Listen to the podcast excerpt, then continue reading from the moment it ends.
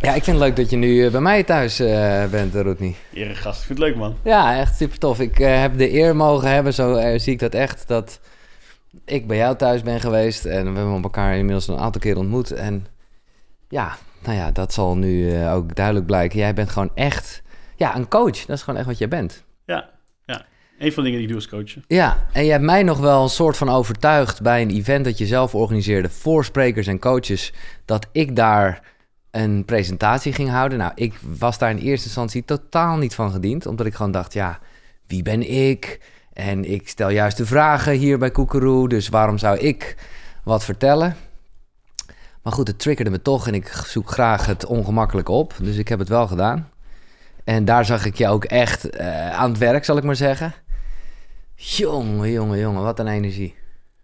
Ja, het is mooi werk. En ik heb enorm genoten voor je deed. Ik, vond het, ik, vind, ik vind het juist zo mooi dat jij staat voor mij, voor iemand die iets spannend vindt, maar toch uit zijn comfortzone stapt. Ja. En ik zag hoe je binnenkwam en je keek om je heen en je was op zoek naar de toilet als eerst natuurlijk. Ja, altijd. Even bijkomen en ja. uh, je hebt je papiertje erbij. Ja. Maar uiteindelijk toen je daar voor de groep stond, en je deed wat je doet, gewoon echt jezelf zijn. Hè? Dus ja. uh, dat is natuurlijk zeggen, of wie ben je dan? Als het vraag ga ik nu niet over hebben. Maar ja, gewoon Giel, zoals je bent op de radio, zoals ik je ben, zoals je bent wanneer je bij me thuis bent, dat laat je daar zien. En dat is wat mensen zo mooi vinden aan jou. Ja. En wat ik zo mooi vind aan jou. Maar dat is ook, en dat is, ieder, dat is bij ieder mens mooi, maar je gaat toch heel vaak met schilletjes eromheen.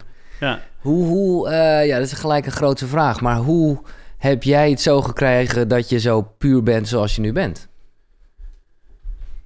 Of, heb, of zit al, heeft dat altijd in je gezeten?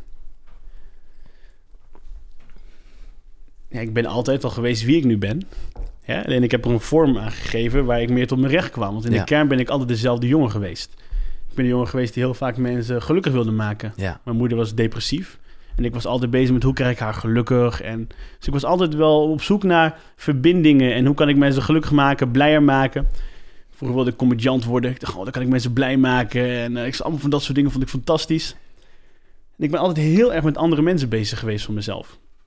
En daar, daar heb ik ook een talent in ontwikkeld daardoor. Ja. Ja, onbewust ben ik er heel bekwaam in geworden. In, in, in sociaal, sociaal zijn. zijn uh, zien wat mensen nodig hebben. Die behoeften leren bevredigen. En uiteindelijk omdat ik wel voelde en besefte dat ik daar goed in was... en ik heel natuurlijk getrokken was tot dat stuk... en ik ook altijd wel een heel groot verlangen had om mooie grote dingen in mijn leven te doen um, vond ik mijn weg in het coachen, in het trainen, in het spreken. Ik wist vroeger niet wat coachen was of trainer was. Maar ik comediant was. Je staat voor de groep, je maakt mensen blij. Grappetjes, ja, ja. En toen bleek dat ik dat ook kon doen als trainer. En dat ik mensen blij kon maken, mensen dingen kon leren, mensen vooruit kon helpen, problemen kon op, mensen kon helpen hun problemen op te lossen. Nou, dat, dat is eigenlijk hoe dat voor mij uh, die passie tot leven kwam. En daar, toen ik het vast heb gehouden, heb ik nooit meer losgelaten. Nee, en, en Still Going Strong Still going strong. Je hebt je eigen instituut, uh, het Sluisinstituut. Ja. Uh, daar, uh, en ik heb dat in notabene de allereerste aflevering van Koekeroe. Checken vooral nog mensen als je later bent ingehaakt. begin bij één zou ik zeggen. Al weet ik dat mensen wel een soort barrière hebben. Want mijn allereerste gast in Koekeroe was Emiel Ratelband. Wat voor mij een soort logisch was, omdat ik bezig ging met zelfontwikkeling. Ja, en, en nou ja, voor mij was dat van oudsher de gast waarbij ik wel wist dat hij ermee bezig was. Daar heb ik NLP wel een beetje benoemd, maar uh, omdat iedereen dat ook weer anders benadert en nou ja, we nogal honderd afleveringen verder zijn. Wat is NLP? Nou, voor mij is NLP de studie naar succes. Wat werkt? Ja. ja dus als we kijken naar NLP, dat bestudeert problemen die mensen ervaren, maar niet waarvoor heb je het probleem, maar hoe los je dat op? Ja. Okay. En vind ik een heel mooi voorbeeld. Bijvoorbeeld dat toen de oprichters van NLP bezig waren met het, het ontwikkelen van NLP, ze waren therapeuten. En jaren ze 70 zo dit denk ja, jaren 70 waren ze op de Universiteit van Californië, waren ze docenten. En ze waren bezig met het bestuderen van een aantal hele geniale therapeuten. Milton Erickson, Virginia Satir, de oprichter van de moderne gezinstherapie. En toen zij hun aan het bestuderen waren, kwamen ze erachter dat ze een aantal dingen deden die de rest niet deed. Milton Erickson had jarenlange wachtrijen had hij van mensen die bij hem kwamen. En hij was de therapeut. Als je niks werkte, ging je naar Milton Erickson toe een hypnotherapeut. En dan kwam je bij hem en dan loste hij dingen op die niemand anders lukte. In een mum van tijd? In een mum van tijd, op een hele bijzondere manier. En hun waren zo benieuwd, dus ze gingen dat bestuderen. En dan kwamen ze erachter dat er patronen waren, dingen waren die die mensen deden waar ze niet bewust van waren. Bijvoorbeeld als we kijken naar een van de dingen die, we hebben, die ik leerde met NLP was... hoe kan je mensen helpen met angsten? Dingen die ze echt spannend vinden of fobieën. En vroeger duurde het jaren om er vanaf te komen. van een fobie. Ja. Alleen op het moment dat de oprichters van NLP mensen gingen bestuderen die fobieën hadden, kwamen ze erachter dat door te kijken naar wat doen mensen en hoe doen mensen wat ze doen, want daar gaat NLP vooral om. Hoe doe je wat je doet? Kwamen ze erachter dat bij 100 mensen bestuderen die van een fobie af waren gekomen zonder dat ze precies wisten hoe. Die, waren gewoon, die hadden het en die waren de volgende dag waren ze er vanaf. Die wisten niet wat ze hadden gedaan, maar ze waren er voorbij gekomen. Door 100 mensen te bestuderen kwamen ze achter patronen. hey, deze mensen zijn allemaal ervan afgekomen. Ze zijn gaan kijken naar hun zenuwstelsel, naar hun overtuigingen en hun linguïstische deel, dus ze communiceren met zichzelf. En in die patronen die ze zagen, hebben ze om die patronen hebben ze technieken heen gebouwd. Om te zorgen dat. Om die patronen te doorbreken eigenlijk. Ja, om te kijken naar. We hebben nu, we hebben nu overeenkomsten gezien bij deze honderd mensen. Je ziet patronen. Dat is dus iets wat waarschijnlijk werkt. Zo kom je van een angst af. En daar hebben ze technieken omheen gebouwd. Dus NLP kijkt naar wat werkt wel. Hoe doen mensen dingen die ze doen? Dus er vooral iemand die heeft zelfvertrouwen. Hoe doe je zelfvertrouwen? Iemand die overwint een angst. Hoe heb je dat gedaan? Maar dan vooral in je neurosysteem en je interne voorstelling, je interne wereld. En vaak zie je patronen. En als je die patronen vaak genoeg ziet, kun je daar technieken omheen bouwen. Die dupliceerbaar zijn, die iedereen ook zou kunnen uitvoeren. NLP is een collectie van allemaal technieken en methodes gebaseerd op succesvolle verandering. Ja. Uh, en zeg je dan dus eigenlijk, hè, waar het wel vaak in therapie uh, om gaat, de oorzaak is niet van belang. Waarom ben je ooit bang geworden voor een spin? Maakt niet uit. Zorg er gewoon voor dat je niet meer bang wordt voor die spin. Exact. Okay. We gaan hier het verhaal in. Ik kan me nog herinneren dat ik, een, ik heb mijn LP Practitioner diploma net gehaald. Hmm. En mijn beste vriend belde mij. Hij zei, Roetnie, ik heb een probleem. Ik zeg, wat is er? Hij zegt, ja Roetnie, mijn, uh, vriendin die is, is nacht aan het huilen. En die had zo'n diploma gehaald voor NLP. Kun je haar helpen? Ja. En ik, had, ik was al een tijdje bezig met Tony Neurosociative Conditioning. En ik had NLP net gedaan. En ik, dus ik had mijn petition in de pocket. Ik zou dat moeten kunnen. Dus ik zei natuurlijk volmondig ja. Ik wist niet precies hoe ik het ging doen, maar ik snapte de essentie van angsten. Dus ik, ik sprak met haar af. Ik kwam aan in Utrecht. Doe de deur open. Zo'n witte oude hal was het. Doe die deur open en ik zie haar zitten op een groene bank. Nou, zij zit daar zenuwachtig naar mij te kijken, want ze denkt, goed, niet komt mij fixen. dus ik zat met haar en ik keek naar haar en ik zei, uh, ik zei, maar kan ik je helpen? Ik kende haar al lang. Ik was een vriendin van mij. En ze vertelde over haar angst en over haar uitdaging waar ik niet bewust van was dat ze dat had.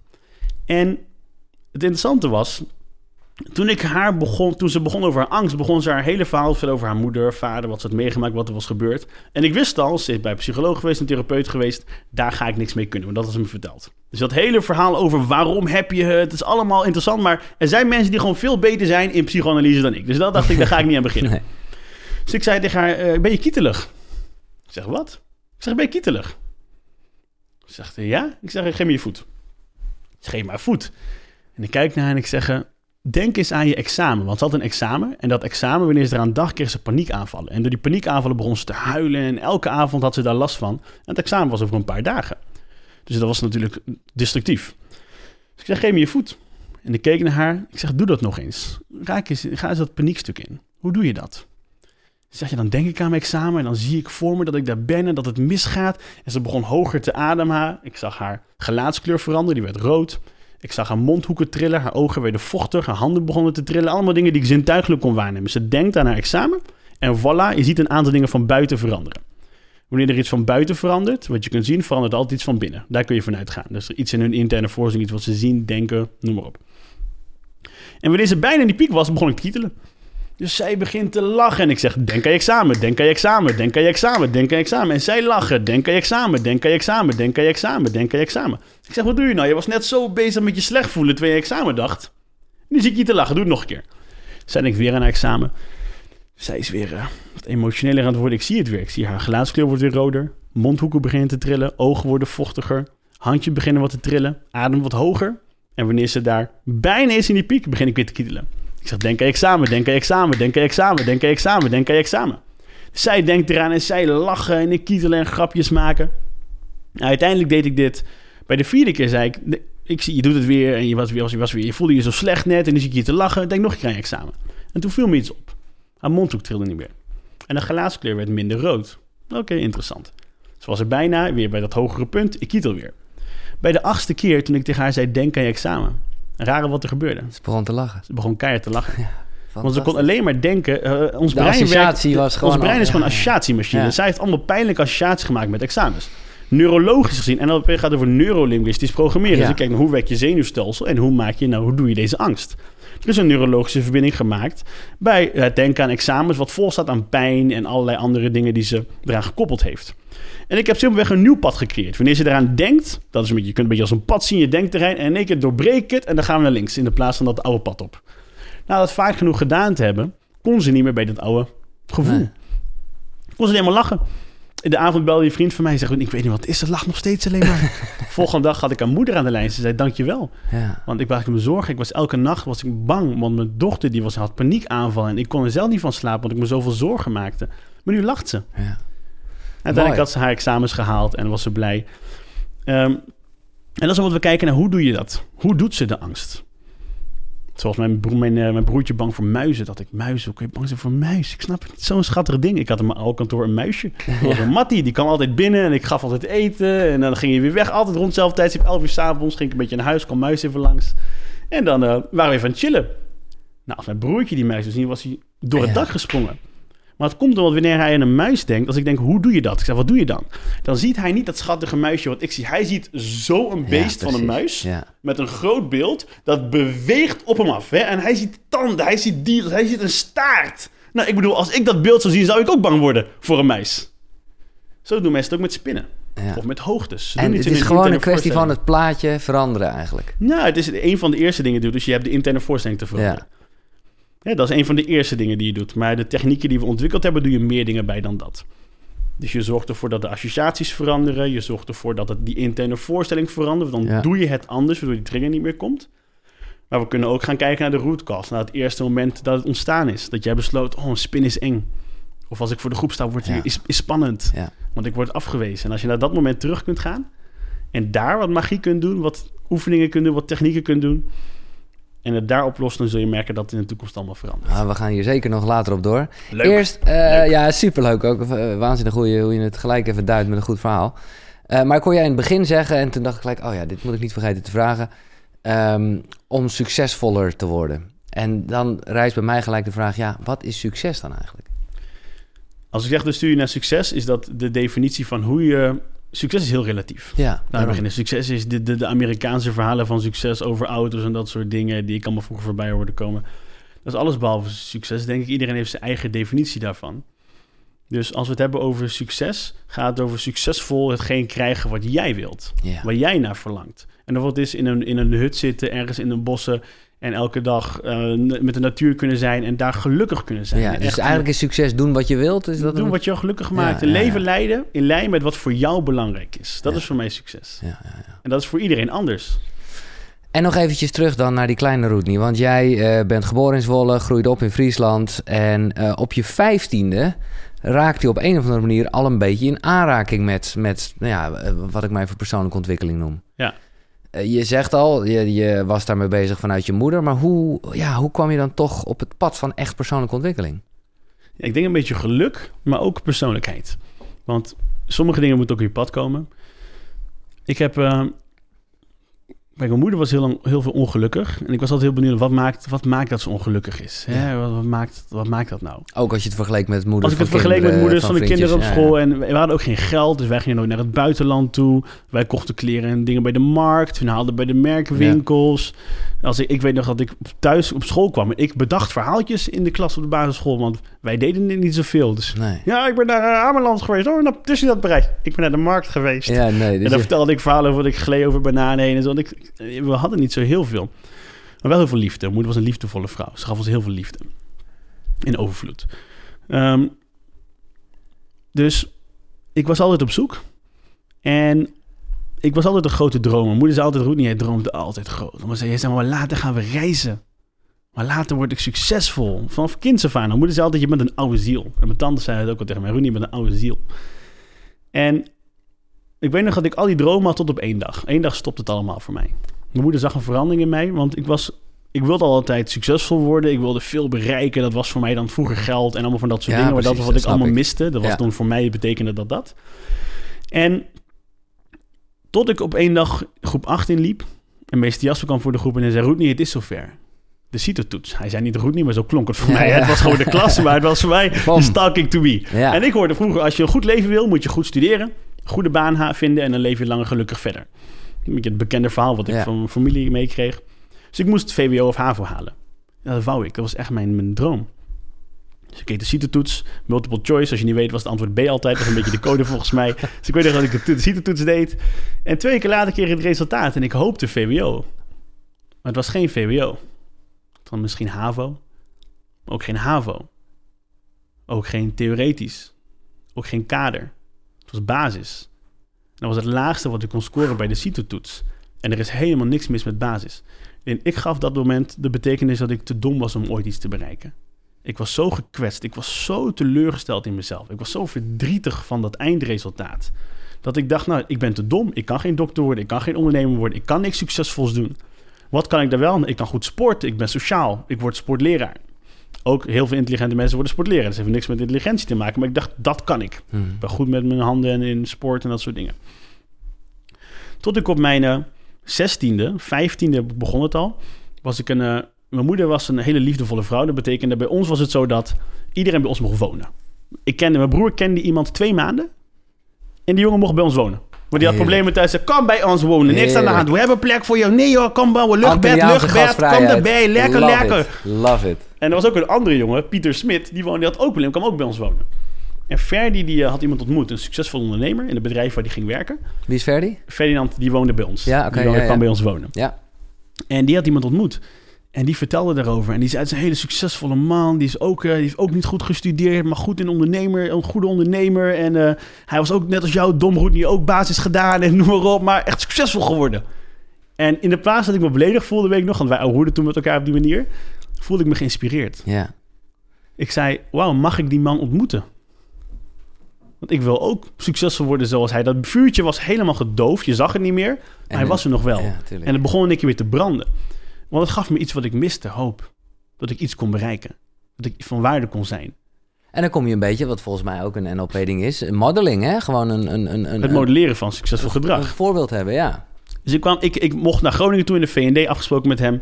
Ik uh, had mijn LG Shine mee. Ik zei, mag ik dit gesprek opnemen? Ik denk dat u mijn leven kunt veranderen. En toen zag hij, ik ben een, hij dacht, een andere jongen dit. Ik had kraaltjes in, petjes op. Ik had Snoop Dogg-achtige outfit, Eminem-achtig, baggy jeans, bandana's. Gewoon, zo kwam ik. Een beetje Gangster. als, als een gangstertje kwam ik daar. Maar ik was wel heel leergierig. Dus ik zei tegen hem, mag ik, uh, mag ik, uh, ik wil van je leren. Ik wil worden zoals jij. En toen gaf hij me een drietal boeken mee. Hij zei, niet, je kunt alles bereiken wat je wilt. Je bent helemaal niet dom. Iedereen leert anders. Hij, zei, ik ben heel, hij leerde mij het idee van selectief leren. Hij zei, Rodney, je hebt niks aan te weten wie Australië heeft uitgevonden... en al heel veel dingen die je op school leert. Hij zei, op school is prima. Alleen hij zei, uiteindelijk moet je kiezen voor selectief leren. Wat wil ik bereiken? En wat moet ik leren om dat specifieke te bereiken? En de rest doet er niet zoveel toe, zei hij. Wat je allemaal, dus je kunt zelf kiezen wat je gaat leren. Dus dat bracht mij op dat pad. En toen zei hij, ik heb drie boeken voor je meegenomen. Het eerste boek was Denk Groot Wordt Rijk tweede was uh, Rijke pa Arme Pa. En het derde was The Secret. Over de zijn dit gelijk de drie boeken die je in wil brengen vandaag? nee, nee, nee, nee, dat zijn niet. Daar begon ik wel mee. Ja, er waren ja, drie boeken waar ik begon. Basic persoonlijke ontwikkeling, maar, echt life-changing. Ja, dat begrijp ik. is gewoon. Ja. Ik begon ze te lezen en op mijn 16 begon ik toen mijn eigen onderneming. En maar wacht even, want dit vind ik interessant, omdat mensen ook vaak instappen. En dan merk ik bijvoorbeeld bij Think and Grow Rich, je denkt wordt Napoleon Hill. Ja, ik ging er ook helemaal voor, maar zeker met jou en ik ga je zeker niet neerzetten als domme gast. Maar laten we zeggen dat nou ja, je volgens de CITO-toets in ieder geval... Uh, ja, begreep je het gelijk. Dat was eigenlijk uh, wat ik wilde zeggen. Niet alles. Nee. Nee. Maar zeker kom... Napoleon Hill heeft natuurlijk ook wel... omdat het lekker oud is... Ja, wat doe je? Ja, ik vond het een moeilijk boek. Ja. Ik vond het een moeilijk boek, maar ik lastig, want ik was gecommitteerd. Ja. Ik was gewoon, de ik ga lezen, ervan... de essentie kreeg ik eruit, ja, en visualiseren, en ga voor wat je wil. Ja. Dus ik haalde de essentie eruit en ik, ik kreeg hoop. Ja. Dat was het vooral. Dat het gaf me hoop. En dat is wat ik miste. Hoop dat ik iets, iets kon doen, en geloof. En uh, dus op mijn 16 begon ik ook met, in de sales, eigen bedrijf. En dat uh, ging goed. Wat, 17, wat voor business was het? Ik verkocht telecom, deur aan deur en sales en, en, en, energie en al die dingen. Verkochten van alles. Op een gegeven moment mocht ik een team samenstellen en al mensen die ook gingen verkopen. Maar het ging goed. Dus op mijn 17e woonde, leefde ik goed. Op mijn 18e ging ik, eind 17e ging ik wonen in Amsterdam. Ja. Mijn 18e woonde ik in een penthouse. Mijn eerste auto was een nieuwe Audi A5. Ik kon in één keer reizen over de wereld. Ik had geld dat we nooit hadden. Nee. Ging je ook een beetje geven aan je moeder? Oh god, ik, mijn moeder had ik op pensioen gestuurd. Ja. Ik zou hem nooit meer... Ik, ik, ik, oh, heb, ik, heb, ik heb een moeder en dat was dat is niet dat het zo bleef. Ik heb ook alles weer verloren en zo. Maar ik, het eerste wat ik deed was... Toen ik mijn eerste 600 euro verdiende, ging ik naar de Aldi toe. Haalde ik twee karren boodschappen bij de Aldi met mijn uh, met vriendin. En toen uh, had ik ze in de woonkamer neer, in de keuken neergelegd en ben ik naar school gegaan. Dat was hoe ik, Oh. toen, mijn eerste geld deed. Oh, wauw. Want we hadden geen, niet genoeg eten in de koelkast. Dus dat was wat ik toen deed. Shit, wat mooi. Dus ehm, Maar oké, ik voel aan alles in de opbouw die je maakt... dat het uiteindelijk toch niet het geluk bracht... waar, ja, hè, je dacht dat dat Rijk... eh, dat, ja, eh, dat, was- dat, het eh, was- ik, ik was heel goed in, in hard werken om iets op te bouwen. ja. En dat, dat lukte goed. Alleen, ik had op een of andere manier, als dingen te goed begonnen te worden, begon ik te saboteren. Dan stopte ik dingen te doen die ik deed die mij dat resultaat gaven. En ik wist niet waarom. Joost mocht het weten. Ik wist niet wat er gebeurde. Ik stopte er gewoon mee. Ik werd te comfortabel. Ik stopte met de sales. Ik stopte met het goed managen. Ik stopte met allerlei dingen. En ik ging meer feesten. Ik ging veel meer andere dingen doen. Mhm. En misschien herken je het wel. Ik had het, dan, ik had het dan heel veel in mijn business, maar ook in mijn gezondheid Ja. of in liefde. Drie belangrijke gebieden waar ik gewoon heel goed was in saboteren. Als het in liefde te dichtbij kwam, was ik koning saboteur. Als het in gezondheid te goed ging, saboteerde ik ook. Dan stopte ik met fitness en in business. Als ik voorbij een bepaald bedrag kwam, Ja. begon ik te saboteren. Ja. En dan verloor ik tot het punt dat ik ook alles verloor. Ik was op een gegeven moment goed failliet gegaan en eh, mijn auto kwijt, mijn woning kwijt, mezelf kwijt. Ik ken Want- het heel erg eh, en ik denk eh velen met ons. Eh, en je bent daar op dat moment natuurlijk niet zo bewust van. Dus niet dat je heel actief gaat zitten saboteren, maar het gebeurt Ja, toch. ja. En ergens merk je het wel, maar het geeft een soort veiligheid. Of ik, ik, waar- wa- waarom is dat? Waarom doen mensen dat? Waarom deed jij het? Nou, verschillende redenen. Ik, voor, voor, elke, voor elke, elk deel waar ik in saboteer, deed ik het voor een andere reden. Ik geloof heel erg in...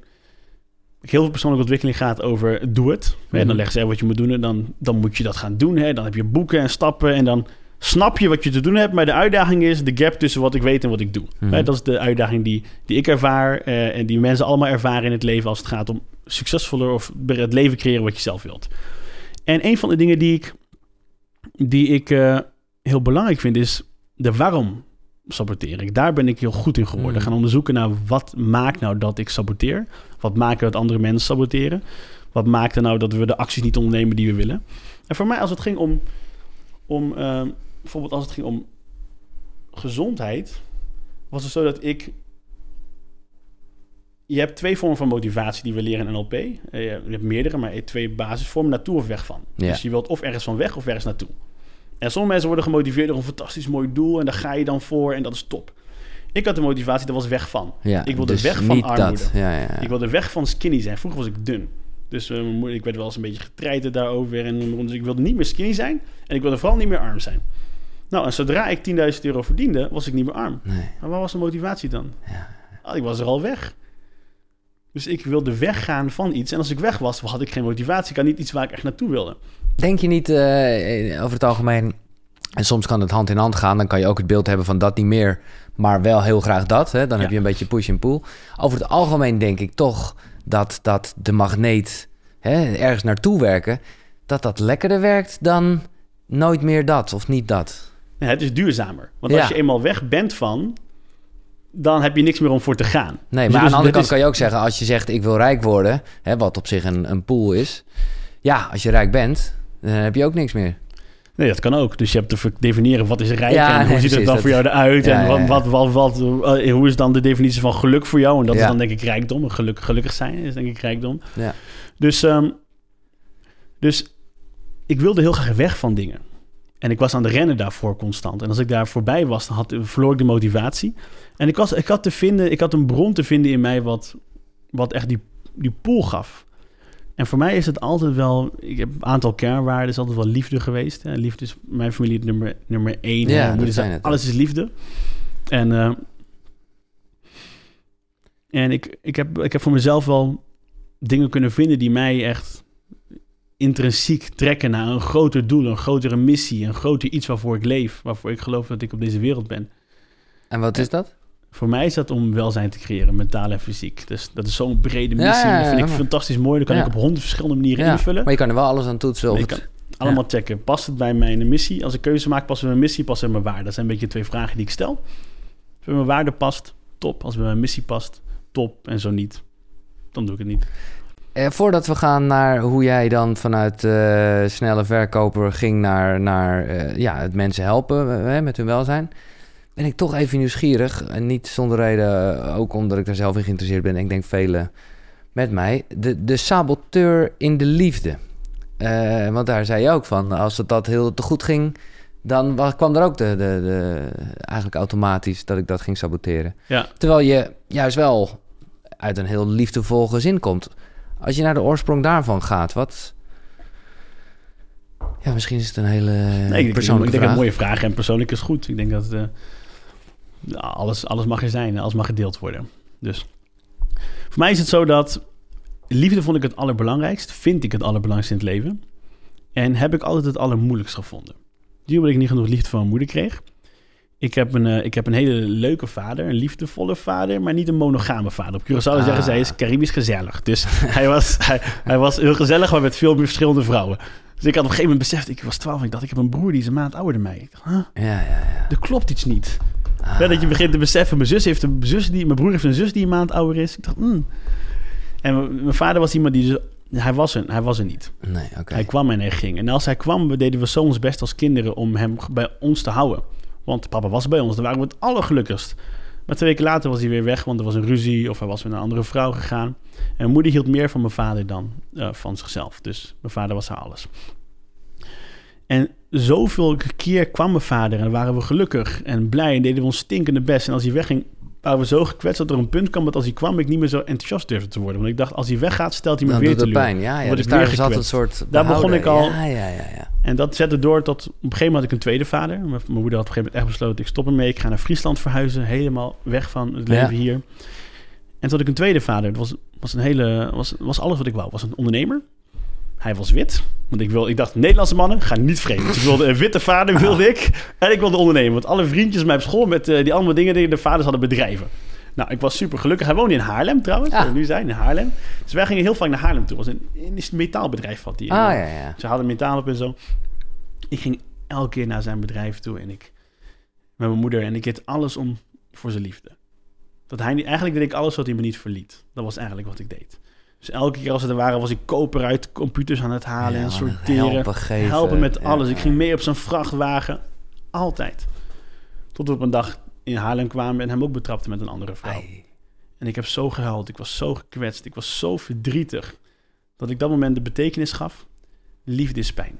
Als ik mijn hart geef, word ik gekwetst. En sindsdien heb ik altijd moeite gehad met me kwetsbaar opstellen. Of mijn hart geven, Ja. of me openstellen. Altijd een soort luikje, een bescherming. Altijd zo'n beschermlijkje. En als ik dan aan het daten was met een dame en het kwam te dichtbij... dan begon ik te saboteren. Dan vond ik allemaal redenen waarom ze niet kwalificeerde... niet goed genoeg was, of waarom het saai was geworden... Of dan voelde ik het niet meer, want mijn brein, ons brein, ons saboteur is natuurlijk, die werken op verschillende manieren. Eén is emoties, maar Ja. eentje is gewoon ratio. Het wil me beschermen. Dus mijn brein zegt, oh, er is potentieel liefde, maar ook potentieel gevaar. En dat gevaar, wanneer het er dichtbij kwam, ontstond er gevaar. En dan zei mijn brein, ja, het is niet fantastisch, het is niet goed genoeg, niet leuk genoeg, het past niet en noem maar op. En ik voelde ook allemaal dingen in lijn met dat wat ik dan dacht natuurlijk. Hè? En dan was ik, hup, Ja, ja. veilig. Nou Oh, ja, precies. Het was naar het de toch volgende. niet. Ja, de volgende. En dat was een jaar en zo. Tot ik... eh, eh, dat is nu voor mij veranderd. Ik heb, ik heb nu een... eh, ik was een paar jaar aan het daten met een meid. Dus dat is met, met Aukje. Ja. Eh, drie jaar is ze zo echt actief aan het daten. Dan was ze wel weer een half jaar in het buitenland. Dan weer in Nederland. En tijdens toen ik op een gegeven moment besloot... Want mijn leven is een beetje veranderd toen ik... eh, ik was een beetje met depressie gekomen. Op een gegeven moment ik was mijn bedrijf verloren. Ik was alles verloren. Ik was mezelf kwijt. En toen ben ik naar een seminar van eh, in Engel, Amerika en Engeland gegaan. Van een Amerikaanse spreker. Welke? 8000 man, Tony Robbins. Tony Robbins. nee, ik dacht al, is het Tony Robbins? En Tony ja. Robbins begon over NLP, NLP. En daar ontstond mijn interesse voor Ah, NLP. Want ik dacht, wat is dat NLP? En ik ben het gaan googlen. En toen ben ik een practitioner gaan doen en noem maar op. Ik weet nog dat ik dus naar UPW terugkwam. En ik had daar besloten, ik ga die overtuiging veranderen. Liefde is pijn, moest ik veranderen. Want ik wilde dat gewoon niet meer. Ik ging daarheen voor business. Ik ben teruggegaan met hele andere dingen. En toen ik daarna mijn LP Practitioner opleiding deed... zat ik daar in de zaal met dat besluit. En ik wist dat ik dat wilde veranderen. En toen zei de, de trainer gaf een uitleg over conflicten. De ene kant wil een relatie, de andere kant wil zekerheid. De ene kant wil een bedrijf, de andere kant wil comfort. Of eh, met, meer met de kinderen zijn. Die, die conflicten. Ik had daar echt, ik kon een hele lijst maken van conflicten Ja, die ik ja, had. ja, Eh, mooi, we kennen alle, het allemaal allemaal. kanten. Dus één kant wilde liefde en één kant die eh Veiligheid. wilde veiligheid. Dus ik zat daar en ik, zei, ik dacht nog... zal ik nu dan deze techniek die hij nu gaat leren aan ons toepassen op dit conflict? En letterlijk twee seconden later zei mijn brein... nee, gaan we niet doen, want straks werkt het ook nog... en heb je een freaking relatie. Gaan we niet aan Oh, beginnen. Ja, dus mijn brein die rationaliseerde me gelijk. Dat gaan we niet doen. Toen dacht ik, nee, fuck it. you- You're here to face your demons. Je gaat het doen ook. Dus ik weet nog dat ik daar zat. En ik was met, met die twee delen in contact. En elk deel heeft een intentie en noem maar op. Uiteindelijk bracht ik ze bij elkaar. En twee weken later vroeg ik... Uh, twee weken later... Ik voelde wat rust in eerste na je techniek. Ik voelde van, oké, het voelt anders. En twee weken later vroeg ik Aukje of ze een relatie met me wou. En dat is het allerengste wat ik ooit heb gedaan. Ik heb, ik, heb, ik heb risico's genomen. Ik heb miljoenen opgezet in businessen en stappen gezet. Allemaal Iedereen niks in denkt, vergelijking met niks. Ik heb de meeste, openzetten. Niks in vergelijking met mijn hart opzetten. Ik was zo bang ervoor om wat te doen. Maar ik deed het. En ik geloof heel erg dat achter je grootste angst je grootheid schuilt. Achter je angst schuilt je grootheid. Achter je angst schuilt waar je naar verlangt. Achter je weerstand schijnt de zon. Al dat soort dingen, daar geloof ik heel erg in. Dus ik, dus juist waar mensen, waar je nu tegenaan loopt, waar je voelt, daar voel ik weerstand. Maar ik voel ergens dat ik het wil, maar ik voel angst en allemaal verhalen. Ik ben niet klaar voor. Daarachter schuilt hetgeen wat je wilt. En voor mij was dat echt liefde. En mijn grootste geluk zit er niet in mijn carrière, terwijl ik doe van, waarvan ik hou. Mijn grootste geluk zit er niet in de dingen die ik heb gedaan of de, de zoveel tienduizenden mensen die ik per jaar heb mogen zien in mijn seminars en trainingen online. zit hem in mijn gezin. Ja.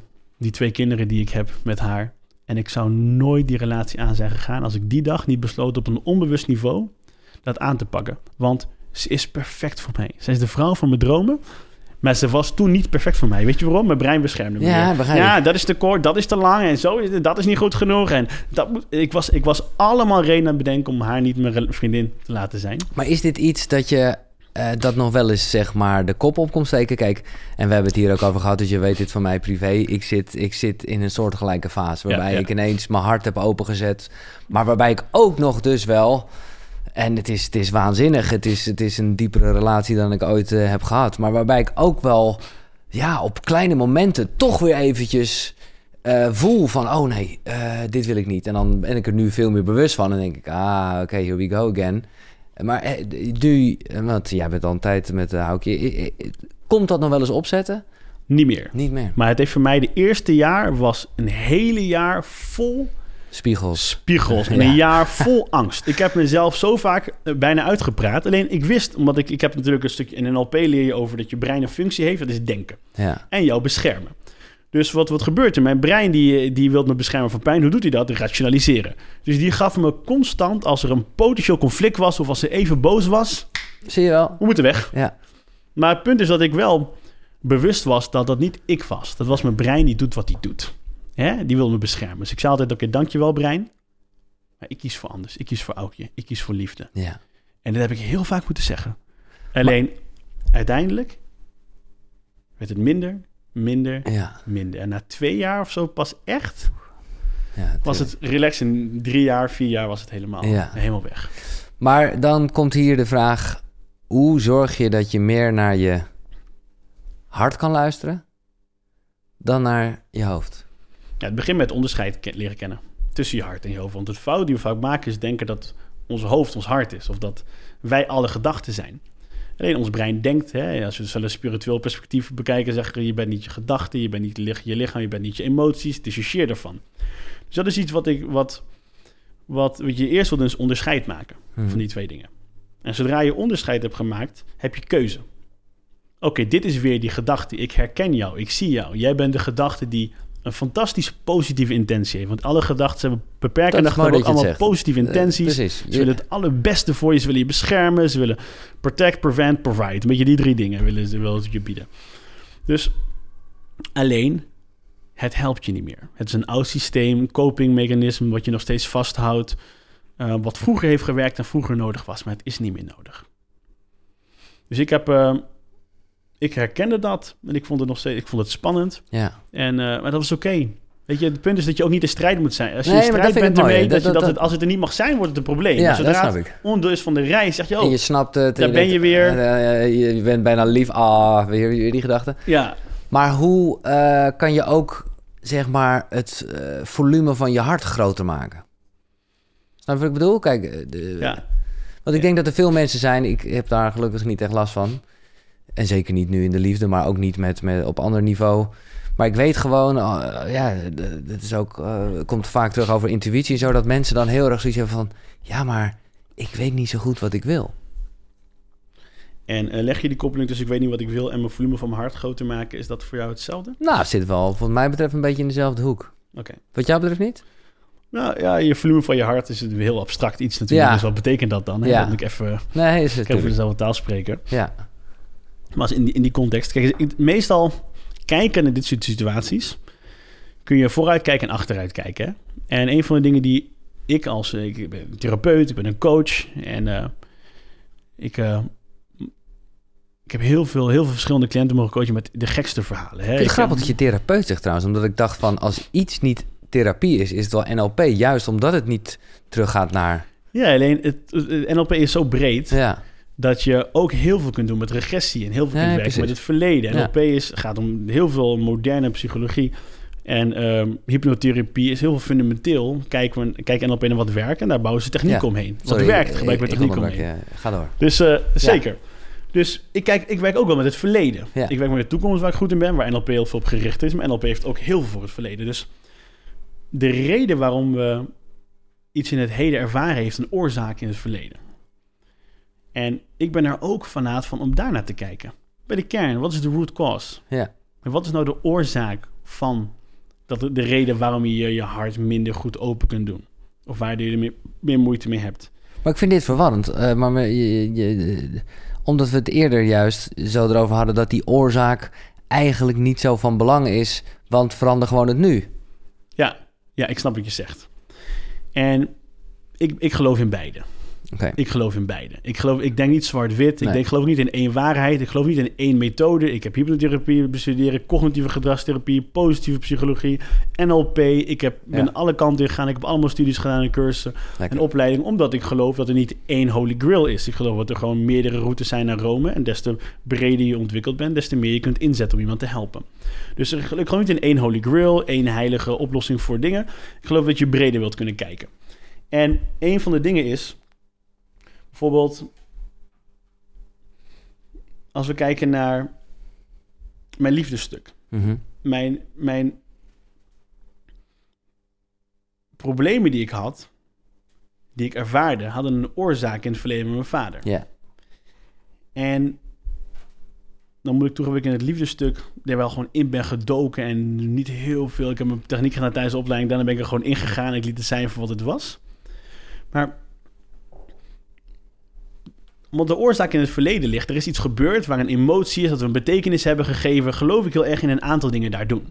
Stel je voor dat iemand nu een probleem heeft, kan ik kijken naar wat heb je meegemaakt. Wat, in, wat de oorzaak kan zijn dat je nu deze, dit gedrag vertoont, deze emoties voelt. En als je die herinnering nou eens zou herbeleven. Want we hebben als kind hebben we die herinnering meegemaakt in onze jongere jaren. Daar hebben we dingen gevoeld, hebben we een betekenis gegeven. Ik was dom, omdat ik op de basisschool dat die betekenis gaf. Maar dat was niet per se waar. Ik heb dat verhaal zelf bedacht. Ik heb dat een betekenis gegeven. Dus dan verander je in het nu eigenlijk het verleden door ook weer... Je gaat, ik ga erheen. Ja. Er is alleen maar het nu. Weet je, er is het verleden. Ja. Het is een verhaal wat wij hebben. Is, er is alleen maar het nu. Alleen wat ik wil doen is, ik ga terug naar dat moment. En ik leer mijn onderbewustzijn, mijn amygdala. Ik herbeleef het met nieuwe emoties. En wanneer je met nieuwe emoties erin, dan, dan beeld je een beetje in. Stel je voor dat er is een dag die heel pijnlijk is geweest. Die kunnen we ons goed herinneren. Als ik zeg, wat deed je vijf dagen daarvoor, weten we er niks van. Maar die dag die ons beïnvloedt, is een dag waar we veel hebben ervaren, veel gevoeld hebben. Dat maakt het een bijzondere dag die ons leven positief beperkt kan beïnvloeden. Wat als je nou die emotie onder die gebeurtenis zou kunnen veranderen? Dat het niet meer zo'n pijnlijke dag wordt, maar een liefdevolle dag of een inzichtelijke dag of een transformerende dag. Als je hem daar verandert, heeft dat invloed op het heden. Maar mijn vraag was eigenlijk, en sorry onderbrak je, hoe train je intuïtie? Of hoe, ik noemde het even volume van het hart, laat, dat even, laat ik het bij intuïtie houden. Hoe, hoe, hoe zorg je ervoor dat, dat, de stem van intuïtie uh, en dus weten wat je wil, dat die groter wordt? Nee, ik geloof, ik geloof heel erg dat als, het, als het gaat om mijn stemvolg, dat het in mij, voor mij heel veel gaat en voor de mensen die ik ook train en coach, heel veel heeft te maken met de stemming waar we in zitten. Want onze stem is, wanneer we ons goed voelen, fantastisch groot. Mhm. En wanneer we ons gewoon slechter voelen, kan de stem kan die, kan die bijna stil worden. Ja. Dus in mijn beleving is verandering begint vaak met je staat, je stemming. En wanneer ik met mensen werk, ook kijk naar wat is je emotionele huis. Want in de negen, slecht, slechte gevoelens van angst, afwijzing, onzekerheid, frustratie, bedenk het maar. Kun je heel veel willen, maar het komt, je komt niet, het komt niet uit de verf, want je voelt je er niet na.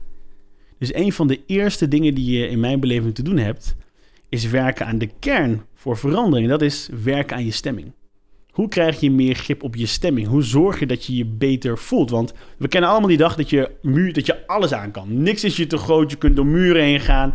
En in die stemming kun je letterlijk alles bereiken wat je ja. Geen probleem is te groot, je vindt oplossingen. Ik nooit zo ervaren, maar dan is die intuïtiestem ook heel groot. Je, je gaat gewoon voor je gevoel, alles oké. Alles is oké, okay, daar ga je ervoor.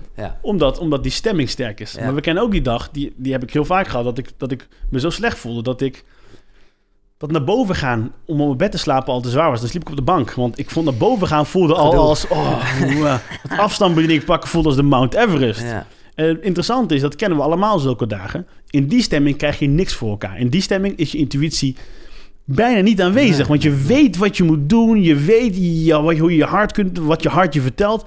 Maar je krijgt het, krijgt het niet voor elkaar. Wat is het verschil? Want de, in de ene situatie ben je, kun je alles bereiken wat je wilt. In de ene stemming, in de andere niks. Je bent exact dezelfde persoon met exact dezelfde vele potentie. Alleen hoeveel van je potentie je waarmaakt, heeft dus te maken met de stemming. Hoe vaak je je in een goede stemming bevindt. Fucking nice. En nou ja, dan gelijk de volgende vraag. Kan je ons wat tools geven om je stemming te veranderen? Positief. Ja, ja, tuurlijk. Kijk, een van de dingen die, die ik mezelf altijd vraag... wanneer ik kijk naar mijn doelen of dingen die ik moeilijker vind... of dingen die ik wil bereiken en ook met andere mensen... is de vraag, wat heb ik nodig? we willen graag... Iemand zegt, ja, ik wil graag... Uh, ik wil graag mijn bedrijf op het volgende niveau brengen, maar ik heb uh, relaties nodig. Ik heb kennis nodig. Ik heb wat, wat ze maar vertellen bij wat ze nodig hebben. Dus laat me de vraag even zo stellen. Wat is iets wat je zou willen bereiken, wat je nog moeilijker vindt? Die hoef je niet zelf te beantwoorden, maar voor iemand die luistert, kan die mhm. vraag zichzelf stellen. En dan als ik dan de vraag stel, wat heb je nodig om wat te bereiken? Wat mist er? Dan komen er vaak antwoorden zoals ehm, mensen, kennis, uh, hulp, uh, bepaalde emoties, zelfvertrouwen. En in de kern kijk ik dan altijd naar wat zijn de emoties die we zoeken. Want we zeggen ja, ik wil graag, uh, uh, ik wil graag hulp. Maar uiteindelijk zoeken we een bepaalde vorm van zekerheid, een gevoel van steun of gevoel van zelfvertrouwen. Wat, wat, wat ervoor zorgt dat we in die stemming dingen kunnen oplossen. Dus ik stel mezelf altijd de vraag: welke hulpbronnen heb ik nodig? Een hulpbron, een hulpbron is alles wat jou in een goede stemming kan brengen. Op, op gezonde manier. Ja, ja. Geen alcohol en drugs, maar op een duurzame manier. Dus kan muziek zijn, kunnen mensen zijn, kan een podcast van jou zijn, kan van alles zijn. Want in die stemming kom je meer tot je recht. Dus een van de eerste dingen die we te doen hebben is überhaupt te antwoorden welke emoties heb ik nodig? Welke emoties mis ik nou eigenlijk? En dan niet het verhaal, ik heb deze mensen nodig, deze situatie nodig, want dat is allemaal iets wat jou een bad gevoel geeft. Dat is het eigenlijk, je wilt een gevoel. Als je dat gevoel en er zijn, het punt is, we, we, vertellen dat we dat nodig hebben. Dat is het verhaal wat wij ons vertellen om dat gevoel te krijgen. En het nadeel van zo'n verhaal is dat je vaak maar één optie hebt in je hoofd of twee. Het moet het zo. Er zijn honderd opties om bij dat gevoel te komen. Maar omdat wij één verhaal aan onszelf vertellen, beperken we ons. Want als dat niet gebeurt, zit je vast. Als dat verhaal niet gaat zoals jij denkt wat je nodig hebt, dan heb je geen opties meer en dan kom je niet bij het gevoel, kom je niet vooruit. Dus ik zeg altijd, begin bij de kern. Wat wil je echt? Wat heb je nodig? Gevoel. Nou, uh, meer vastberadenheid. Meer bedenk het maar. Dat is het gevoel.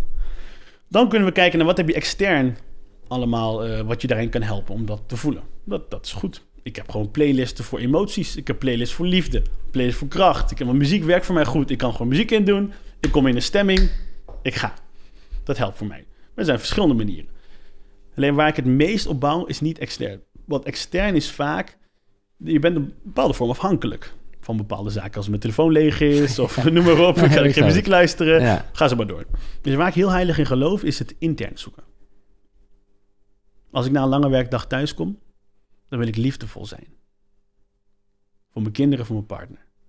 En dan wil ik niet in een gevoel van, uh, van rush en van dingen regelen thuiskomen. Alle emoties die we zoeken of die we nodig hebben, die zitten al in ons. We hebben ze allemaal al gevoeld. We hebben liefde gevoeld, we hebben zelfvertrouwen gevoeld, we hebben passie gevoeld, we hebben vastberadenheid gevoeld. Daarom snak je er ook naar, omdat je weet wat het, je weet wat het is. Ja. Maar dat betekent ook dat ons zenuwstelsel al weet hoe dat voelt. En ook hoe je het kunt opwekken. Dus in mijn geval, wanneer ik uh, zelfvertrouwen wil, heb ik mezelf heel gauw geleerd om een aantal herinneringen in mijn leven vast te stellen waar ik heel veel zelfvertrouwen voelde. Die herinneringen zijn namelijk altijd. Of wanneer ik thuis kom, dan sta, zit ik even stil in de auto. En dan sluit ik mijn ogen en denk aan een moment waar ik heel veel liefde voelde. Ja. Met Aukje. En dan zie ik dat we samen in een restaurant in Amsterdam waren met een chocoladefondue. En ik heb daar een heel beeld bij. En ik weet hoe ik me voelde. En ik zie ook dan met Sky en Royce op het matje aan het spelen ben. En hoe Sky bepaalde dingen zegt. En ik voel liefde. Dat is precies de emotie die ik nodig heb. En die zit al in me. Maar er zijn alle momenten geweest waar ik ze, waar ik ze heb ervaren. En wat ik dan in NLP leer, is dan heb je een beeld, maar dat beeld wil je duidelijker maken, groter maken. Je kunt het geluid veranderen, je kunt het gevoel versterken, waardoor ik het van het gevoel van een 5 naar een 8, 9 of 10 kan brengen. En met dat gevoel kom ik thuis. Of als ik een presentatie te geven heb, of iets te doen wat ik spannend vind, of eng vind, denk ik, wat heb ik nodig? Zelfvertrouwen. Nou, dan ga ik naar een moment in mijn verleden. En daar zitten alle hulpbronnen al. Die hebben we allemaal al in ons. Alleen je hebt te leren hoe je, je hebt de sleutel te vinden, hoe jij, je hebt ten eerste, het is ook een welkom moment te zijn dat. Want veel mensen, ik zeg, denken aan momenten waar je verliefd hebt ervaren, kunnen ze bijna niet veel vinden. Of zelfvertrouwen, of welke emotie maar zoeken. Dus het eerste wat ik mensen leer is, oké, laten we gaan kijken naar een aantal momenten waar je deze emoties gevoeld hebt. En dan zorg ik ervoor dat het mentale foto's worden waar je gewoon letterlijk in kunt stappen. Je kunt gewoon, ik kan nu in een herinnering stappen en bam, die emotie, ik kan kippenvel creëren. Door letterlijk aan een herinnering terug te denken. En in dat gevoel ben je er al? Ben je er. Ja. Nee, en de grap is dat het natuurlijk automatisch omgekeerd bij heel veel mensen zo gaat. He, want die hebben dus veel meer... He, die kunnen heel goed pijn, verdriet, uh, angst, dingen. En, en dan ga je ook terug naar dat gevoel. Ja. Uh, eigenlijk naar van toen en daar ben je dan bang voor. En dan, ja, dan zit je er dus ook al in. We doen het eigenlijk al. Eigenlijk doe je het al. het verkeerd om. Ja. En hier leer je dan bewust dat op een... En dat moet je wel doen. Dat is het. Je hebt echt wel jezelf even te leren ja. Oké, Stel je voor dat je kijkt naar je doelen. Welke emoties wil ik meer voelen? En dan is mijn tip: schrijf drie. Uh, ga zoeken naar drie herinneringen waar je dat echt voelde. Stap in het verleden in het moment. Zie wat je zag, hoor wat je hoorde, voel wat je voelde, maak een beeld. En ik heb best wel veel audio's en zo die mensen daarmee kunnen helpen. En, en dan versterk je dat gevoel heel erg. En dan maak je gewoon een foto ervan. Een mentale foto van die herinnering. En dan hoef je alleen maar, oh ik wil mijn liefde, boom, die naar boven te halen. Dan stap je erin, voel je het. En, dat zijn, en wanneer je dat dus doet, wat zorgt dat? Dat zorgt er voor mij voor dat ik meer mijn intuïtie volg. Ja. Want ik ben in een stemming waar ik tot mijn recht kom. Dus de basis van het veranderen van je leven is het veranderen van je stemming. Een van de meest belangrijke skills in het leven is in mijn beleving grip krijgen op je stemming. Dat is denk ik, je moet een vak op school zijn. Ja, grip krijgen op je eh, stemming. Dat is iets wat je dat leert. wat wordt er mogelijk? Alles. Fantastisch, Rodney. Echt, dit is, dit is zo de essentie van waar Koekeroe voor staat. En ik weet, ja, voor de mensen die dit op tijd horen... dat jij uh, echt een waanzinnige uh, cursus geeft. Een mindmeesterschap. Ja, ja, ja. Gewoon, ik bedoel, jij hebt hele uitgebreide cursussen... en, en, en bent coach één op één. Dit is gewoon voor iedereen online instappen. 20 euro, bam. Maar dit is wel... Ja, dit is de essentie. Ja, zeker. Dus wel wat... Ik vond, weet je dat de eerste keer als ik een podcast doe? Ja? Ik, ik heb altijd nee gezegd. Ik okay, heb honderd keer benaderd voor podcast afgelopen ja, Ik zat al te zoeken en ik, had het altijd... nog... Ik zal je zeggen, ik heb gisteren nog even met Thijs Lindhout uh, gesproken. Want hij was een beetje de koppeling... Hè, waar ik uh, aan het begin vertelde dat ik op een event van jou... Uh, nou ja, ineens een spreker werd. Dat lag ook een beetje aan Thijs die mij geïntroduceerd had. Dus ik, ik, ik, ik bereid me altijd goed voor. En ja. ik heb ook wel gewoon artikelen gelezen en zo. Maar dus ik heb Thijs nog... Ik zeg, Thijs, hoezo heb je hem niet geïnterviewd? Ja, hij, hij, wist het eigenlijk niet. Maar ik denk gewoon dat jij nee gezegd hebt. Ja. nee, Thijs heb ik geen nee tegen gezegd. Oh, nee, ja, goed, Thijs, was... heeft, Thijs die gevraagd. Nee, dus okay, dat is, uh, dat, hij wil hij, hij wacht, ik wil je binnenkort een keer gaan interviewen. Uh, maar ja, is gewoon nooit van gekomen. Nee. Maar waar, waar, was je bang voor dan? Of wat was je... Nee, ik, vond, ik, vond, ik had gewoon een strategie met mijn onderneming, ja, de plannen. Okay, en ik vond dat, uh, dan, dan dacht ik, podcast is superkrachtig. Ja. Alleen sommige mensen die bouwen op een, een... In mijn actief, mijn manier van business is best wel uh, een. Ik ga naar mijn doelgroep toe. Ja. Hè, dus uh, ik zorg dat mijn doelgroep niet mij hoeft te vinden, ik vind ze wel. Ja, ja, en dan bied ik ze mooie dingen aan en dan zorg ik dat ze leren kennen, me leren kennen en dan zien ze wat ik ze kan bieden en hoe ik ze kan helpen. En ik vond podcasten moeten mensen me zoeken. Dan moeten mensen iets gaan vinden. Dat past niet in mijn strategie. Nou, ik heb besloten deze aankomende jaren heel veel gratis content online te zetten. Ik besloot, ik ga nu juist wel die kant op. Gewoon lekker relatie bouwen met heel veel geven. Dus het sluit nu aan. En um, ik vind je gouden vent. Ja, dus dat nou, dat is heel wederzijds. Dus, uh, uh, ja, maar daar, daarover, dat is, want als mensen dit in 2080 met heel veel liefde nog luisteren, dan uh, is die cursus niet meer. Ik zal een link, als het online is, in de beschrijving zetten. En laten wij daar een deze dagen in de actualiteit van november 2021 nog eens een keer een livestream over doen. Laten we dat doen, leuk, zeker. Uh, ik wil even dat ik. Nou ja, nog eventjes. En dan komen we ongetwijfeld ook automatisch op die drie boeken. Je hebt het al wel een beetje snel verteld. 17 jaar. Toen was je succesvol, maar toch ook niet gelukkig. Sterker nog, toen ging het ook even mis met de zaken. Uh, faillissement, uh, depressief zelfs. Ja. Dat is wel, dat is, dat is nogal wat. Wat, wat ja, om even de verkeerde foto naar boven te halen. Wat was het meest depressieve moment in die tijd? ik, heb, ik was in 2014, zat ik in een punt dat ik mijn moeder in de zolder op de kamer lag en ik keek naar de kamer waar we in zaten. Mijn moeder had eerst een mooi huis, uh, hielp ik mee en we waren alles voor ook zij. Dus we waren echt in een echt in Rotterdam-Noord, een oud huis. Dus elke stap die je zet, dat hoorde je. Ja. We zijn zo ver achteruit gegaan. Ik, en meestal wanneer... Eh, dus laat me dat moment eens vertellen. Dus ik zat daar. En het was tegen december aan. En ik voelde me zo verloren. Ik besloot dat jaar geen doelen meer te stellen. Ik zei, weet je wat, laat me het gewoon niet meer doen. Waarom zou ik het proberen? Ik heb het al zo vaak gedaan. Je hebt, je hebt zoveel doelen gesteld. Kijk waar je nu zit. Misschien moet je gewoon opgeven aan die droom die je hebt. En dat was een punt waar ik ook besloot op te geven. Ik zei, weet je wat, doe maar gewoon normaal. Je hebt het al zoveel jaren gehoord, maar jij moet het anders. Jij moet weer groot, jij moet weer risico's nemen, jij moet meer dit. Doe maar normaal. En een paar dagen later, toen keek ik naar mijn... Uh, toen, ik, ik had het besluit genomen, maar tegen het nieuwe jaar en waarom was het het ergste? Want ik gaf alles op wat ik daar had. Hè? Mijn, maar ik hield me vast altijd aan mijn droom. Mijn zelfwaarde was aan mijn succes daarvoor en ook aan mijn droom. Dat ben ik tenminste. Dat, dat kan ik. Dat, ga ik. Dat viel ook wel eens. Wat ben ik? Ik was niks meer op dat moment. En maar dat was ook een heel mooi moment voor mij, want er kwam een inzicht. Ik was tegen, echt, met twee dagen voor het nieuwe jaar, keek ik naar, naar mijn doelen van dit jaar. En ik besef dat ik één ding miste. Wat bijna iedereen mist wanneer ze plannen maken. Ik had heel veel doelen. Ik had ook heel veel concrete plannen. En ik had niet hetgene in, erin gezet wat de kern was. In mijn plannen stond nooit het oplossen van mijn interne probleem. Mijn plannen waren altijd pragmatisch, objectief. Maar er stond nooit in hoe ga ik nou deze drie overtuigingen veranderen die me in de weg zitten. Hoe ga ik nou met dit conflict aan waarde werken? En toen, vanuit dat punt, ben ik, besloot ik naar mijn interne wereld te gaan kijken. Meer dat soort dingen. Toen ben ik bij Tony Robbins, toen ja, een practitioner gaan doen. En één, als ik zeg, wat is jouw magische formule voor succes, Rodney? is dat ik elk jaar zo één iets, iets zoek in mezelf wat ik aan ga pakken. Waar je gaat werken, ja. Waar ik aan ga werken, wat... Ik was 16, ik dacht dat ik dom was.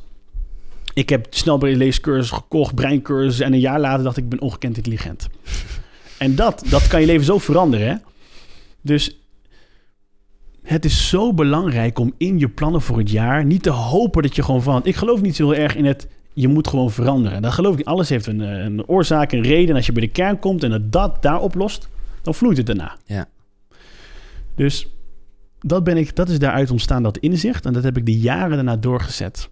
Ik noem het een beetje mijn Goliath van het jaar altijd. En wat is bijvoorbeeld, uh, als je dat wilt delen hoor... wat is bijvoorbeeld voor dit jaar een, een punt geweest? Ik kan een goede vader zijn en een goede ondernemer. Ah, oké. Okay. Tegelijk die hand in hand bedoel Die hand in hand. Ja, ja, ja, vond, ik heel, uh, vond ik altijd ik heb nu, nu Emma Royce, Sky is nu twee jaar en vier maanden. En uh, het was nieuw. En ik, mijn hele leven werd hem omgegooid. En dat is echt een ding voor mij geweest. En, dat, dat, en daar ben ik naar gaan kijken. waarom geloofde ik dat? En uh, waarom dacht ik dat het niet zijn en zij kan? En ik identificeerde hem nog een beetje met mijn eigen vader. En allemaal van dat soort stukken ben ik naar gaan kijken. Ja, ja, ja, ik snap het. Dus, Mooi. Dus dat denk ik. En een van de meest mooie dingen die ik heb geleerd in die periode is... ik ben gestopt met die mijn beste, beste versie van mezelf bullshit. Ik ben er gewoon mee gestopt.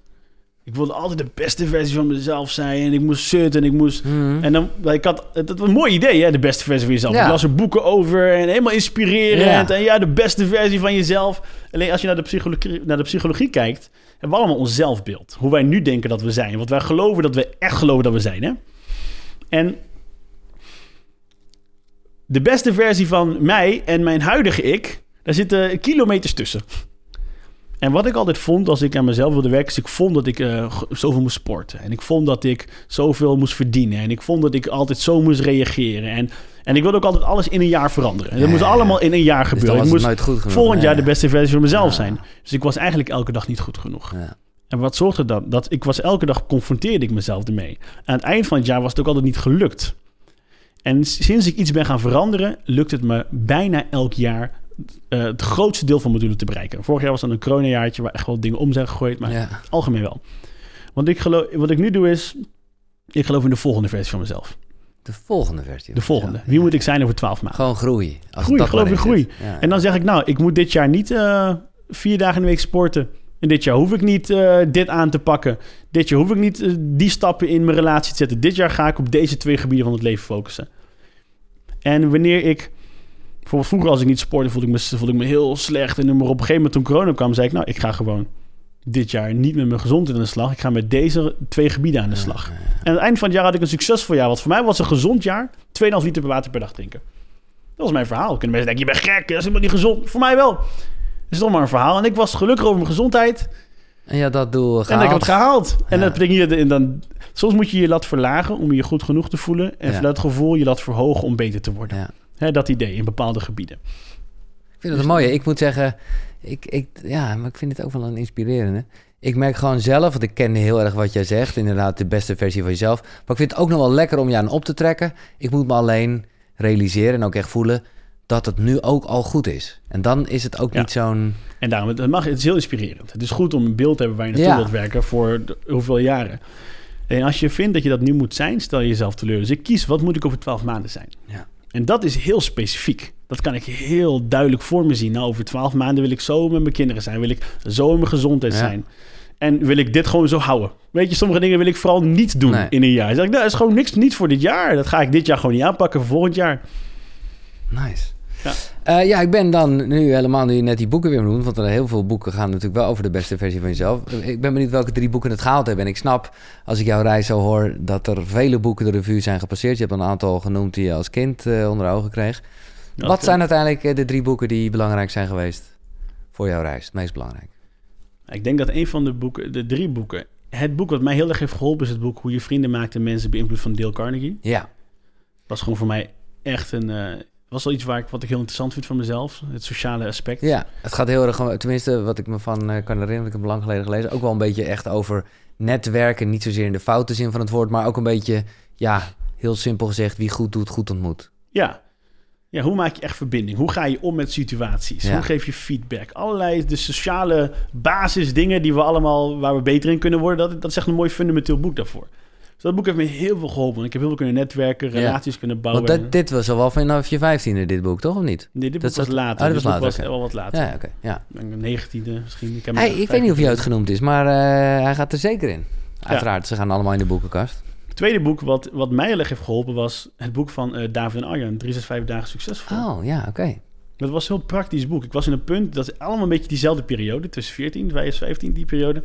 Toen had ik het boek gelezen en het was zo praktisch. Het gaf me antwoorden over wat, wat wil ik nou? En ja. over hordes en over dingen in het verleden. En waarom, waarom vind ik dan waarom vind ik dingen zo belangrijk die ik zo belangrijk vond. Het was een best basisboek, omdat het heel praktisch was en heel erg het basis doe ik het mee tekort. Het was een heel erg boek met veel diepgang. Alleen het waren, de opdrachten waren simpel. Waardoor het voor iedereen toepasselijk is. En voor mij vooral op dat moment. Dus ik heb er heel veel aan gehad, dat boek. Ja, ik moet ze ook een keer uitnodigen. De naam wordt wel vaker gemaild. En uh, ja, ben je ook naar event van hun geweest? Ja, ik heb uh, sterker nog, Arjen is mijn coach. Oké. Ja, Arjen Vergeer. Mijn business- en levenscoach. Ja. Dus um, dat boek heeft me echt heel veel gebracht. En het derde boek wat voor mij heel inspirerend was, was De Weg naar Excellentie van Tony Robbins. Omdat niet De Weg naar Excellentie, ongekende vermogen. En dan De Weg van Excellentie is dan de slogan. Omdat ik heel erg benieuwd naar was, was naar hoe deed Tony wat hij deed. Tony was de, de, de, coach van de, de, de presidenten, de, de topmiljardairs en allemaal van dat soort mensen. Ik dacht, hoe deed hij dat? En dan, daar legt hij uit dat volgens hem NLP de weg is naar excellentie. Ja, dat is denk ik ook misschien een betere verwoording voor wat mm NLP is. En daar legt hij uit hoe dat werkt, hoe hij dat toepast. En dat was voor mij een heel inspirerend boek... wat mij op dit pad nog meer heeft gezet. Ja. Oh, sorry, ik onderbreek eventjes uh, dit fijne gesprek. Maar dat is vanwege iets dat met boeken te maken heeft. En ja, ik hou van boeken. Ik hou van verhalen. Van lezen, maar ook van luisteren. Vooral als je onderweg bent of gewoon, uh, nou ja, weet ik veel wat aan het doen bent. En ik heb nu iets stof met de vrienden van Next Story. Daar vind je echt op die site, jongen, 300.000 boeken. Dus ook zeker de boeken die net besproken zijn. En ik mag je nu, en dat is echt wel een toffe actie, 50 dagen gratis aanbieden. Ja, die gasten die geloven gewoon wel eh, in zichzelf. Dus die denken, oké, dan hebben we ze. Maar dat kan je echt even checken. Uh, ga naar koekeroe.nl slash boekenkast. Daar vind je sowieso alle boeken die besproken zijn uh, nou, in de afgelopen afleveringen. En daar vind je dus ook een link. En via die link kan je 50 dagen gratis Nextory gebruiken. Check het, koekeroe.nl slash boekenkast. Kan je iets noemen uit het boek? Want hij heeft vele dingen ook bij mij. Uh, en dat is ook gewoon misschien algemene NLP-informatie. Maar dingen als die kaap ik dan een beetje voor je neus weg. Echt letterlijk je houding, weet je wel. De, hoe, je, hoe alleen al je mind anders wordt op het moment dat je je groot maakt. Of andersom ook op het moment dat je. Het taal vind ik ook fantastisch. Hoe, hoe letterlijk woorden zoals je in je hoofd dingen zegt of tegen mensen uitspraakt, dat daar al zoveel ja, daar zoveel waarde aan is om die woorden te veranderen. Ja. Maar nu mag jij er eentje noemen. Wat is nog meer iets waarvan jij echt bij Tony, of dat nou bij een seminar was of in dit boek, gewoon echt dacht van wauw, dit is een, dit is een praktische tool die ik hier wel even kan delen. Ja, ik denk dat je, je, je begint bij hetgeen wat voor mij fundamenteel is. Dat gaat over wat hij daar leert, de driehoek van betekenis. Wat je net noemt, hoe je je lichaam gebruikt. Hoe je je focus gebruikt en hoe je taal gebruikt. Ja, laten we, want dan heb ik die andere twee een beetje genoemd, maar je gaat het driehoek uitleggen. Maar focus vind ik een mooi punt. Ik heb daar, uh, ja, jij hebt daar ook een keer over gesproken. Uh, maar ik, dit is focus. Wat, wat kan je zeggen over focus? Uh, focus is wat zien we in onze interne voorstelling. Waar denken we aan? Wanneer we denken aan hoe kan iets misgaan of waar schiet het tekort? Wat mis ik? Waar we ons op focussen, dat voelen we. En een van de belangrijkste dingen die je kunt leren is te leren te focussen op wat er al goed is. Ja. Wat er mooi is. Een van de dingen die ik moest leren is dankbaar te zijn voor wat ik heb onderweg naar wat ik wil. Want vroeger was geluk bij mij in het resultaat. En ik leerde daar dat geluk om zat in de reis. Ja. En daardoor had ik te leren te focussen op wat er goed gaat. Wat ik al doe, waar, wat ik kan waarderen, wat ik heb. En uiteindelijk even, beseffen ik, ik, ik, onderbreek je heel even, omdat sommige mensen bij focus misschien nog heel erg denken aan... en dat is ook wel focus, gewoon heel, ah, nou ja, eh, vol aandacht, vol focus aan iets werken. Maar je moet het, zoals jij het me hebt uitgelegd, veel meer zien als waar kijk je met je camera naar. Exact, waar kijk je met je camera naar? Dat is waar het vooral om gaat. Dus je hebt jezelf goede vragen te stellen. De vragen waar ben ik dankbaar voor? Wat gaat er goed? Wat kan ik waarderen aan de dingen die ik nu heb gedaan? Um, en focus doe je ook in, in beelden. Je, maakt, je ziet, je focus op wat er mis kan gaan en je focus op wat er goed kan gaan. Wanneer ik bijvoorbeeld hierheen ga, ik rij hier vandaag heen. Uh, ik dacht, oh, ik, ik voelde, ik dacht, ik vind, ik vind het een beetje spannend of zo. Dacht ik, dat, is, dat heb ik niet zo snel. Toen ik, nou, dit is mijn werk. Ik ga om met spanning en dat soort dingen. Daar kan ik wat mee. Dan denk ik, wat doe ik dan nou? Een van de simpelste dingen is mezelf een goede vraag stellen. Want je vraag stuurt je focus. En wanneer ik me gestrest voel, is dit echt de gouden vraag. Wanneer ik me gespannen voel, is dit de gouden vraag. Want stress is vaak angst en er zit een verhaal achter. Dus ik, stel me vraag, wat moet ik geloven om nu spanning te voelen over deze situatie. En dan was het voor mij in het verleden, dan dacht ik, nou, omdat er zoveel mensen zijn, dan moet ik het op deze manier doen. Want als dit niet perfect gaat op deze en deze en deze manier, dan is het niet goed genoeg. Dat was het verhaal, ja, daar werd ik gestrest van. Of um, er zit iemand in de zaal en voor die persoon moet ik het echt goed gaan ah, doen. hè? Want, want die is hier. En dan bedacht ik, dat was wat ik geloofde. Ik bedacht een verhaal over een situatie.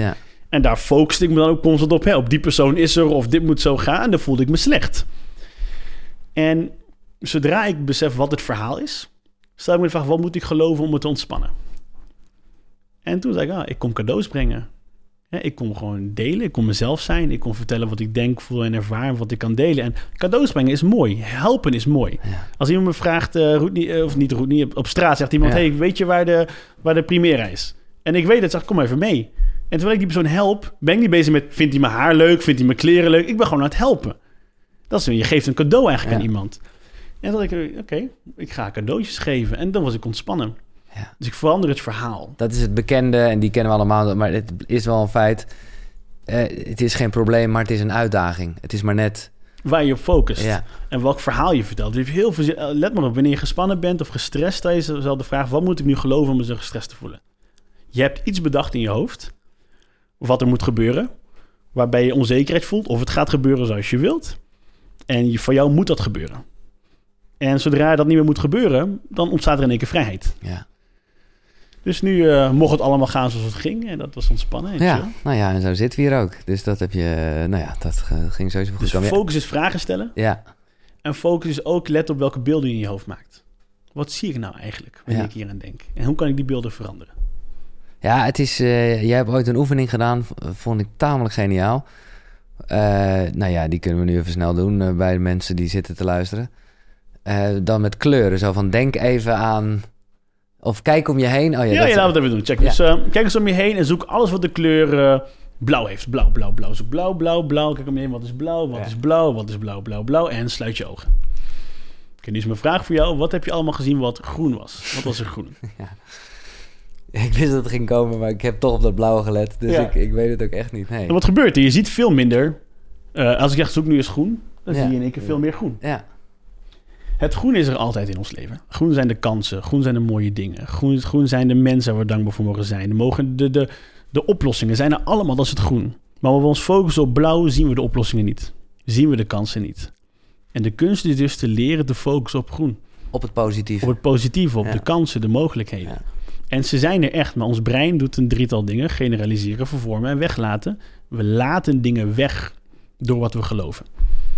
We nemen onze wereld waar door onze overtuigingen. Dus als ik geloof, ik ben niet leuk, niemand vindt me leuk. En ik ben in een groepje met zes mensen die ik ontmoet. En niemand praat met mij, dan zeg ik, zie je wel, niemand vindt me leuk. Waarom is dat eigenlijk? Zijn het gewoon shortcuts die makkelijk zijn, omdat het energie besparen? Ja, je shortcuts, je brein die wil structuur. Ja. Hè, en die wil structuur, veiligheid en noem maar op. Dus zo nemen we de wereld waar. En verander je overtuigingen, verander je leven. En ik geloof heel erg in bij de horens pakken. Niet casual, oh, ik weet, oh, dit, dit werkt me niet, dit werkt niet voor mij. Ik hoop dat het verandert. Ik geloof in tijd, geld, energie stoppen in het oplossen van die, uit, dat, die uitdaging. Want ik zeg wel vaak de belangrijkste skill om te leren. We zeggen gewoon een aantal belangrijke skills. Als ik zeg, wat, wat wil je je kinderen nou echt leren? Als je zegt, wat is nou het allerbelangrijkste dat ik mijn kinderen wil leren? Dan is het dit. Probleem oplossen. Niet wegstoppen. Probleem oplossen. Hoe kunnen ze goed worden in het oplossen van hun problemen? Als mijn relatie niet goed gaat, dat is het probleem. Dat kan ik oplossen of niet, dan gaat het uit. Of oplossen in tien jaar, of oplossen in een week. Ja. Hoe sneller je, eh, als mijn business niet vooruit gaat, is er een probleem. Als ik leer hoe ik dat probleem snel kan oplossen, loop ik er niet jaren tegenaan. Sommige mensen lopen tien jaar tegen hetzelfde probleem aan, vijf jaar tegen hetzelfde probleem aan, een hele leven lang tegen hetzelfde probleem aan, omdat ze niet in staat zijn geweest dat op te lossen hoe fijn zou het zijn als ze dat probleem konden oplossen? Dan hadden ze kunnen floreren in hun liefdesleven, in hun financiën, in, in, hun emoties. Dat allemaal gekund.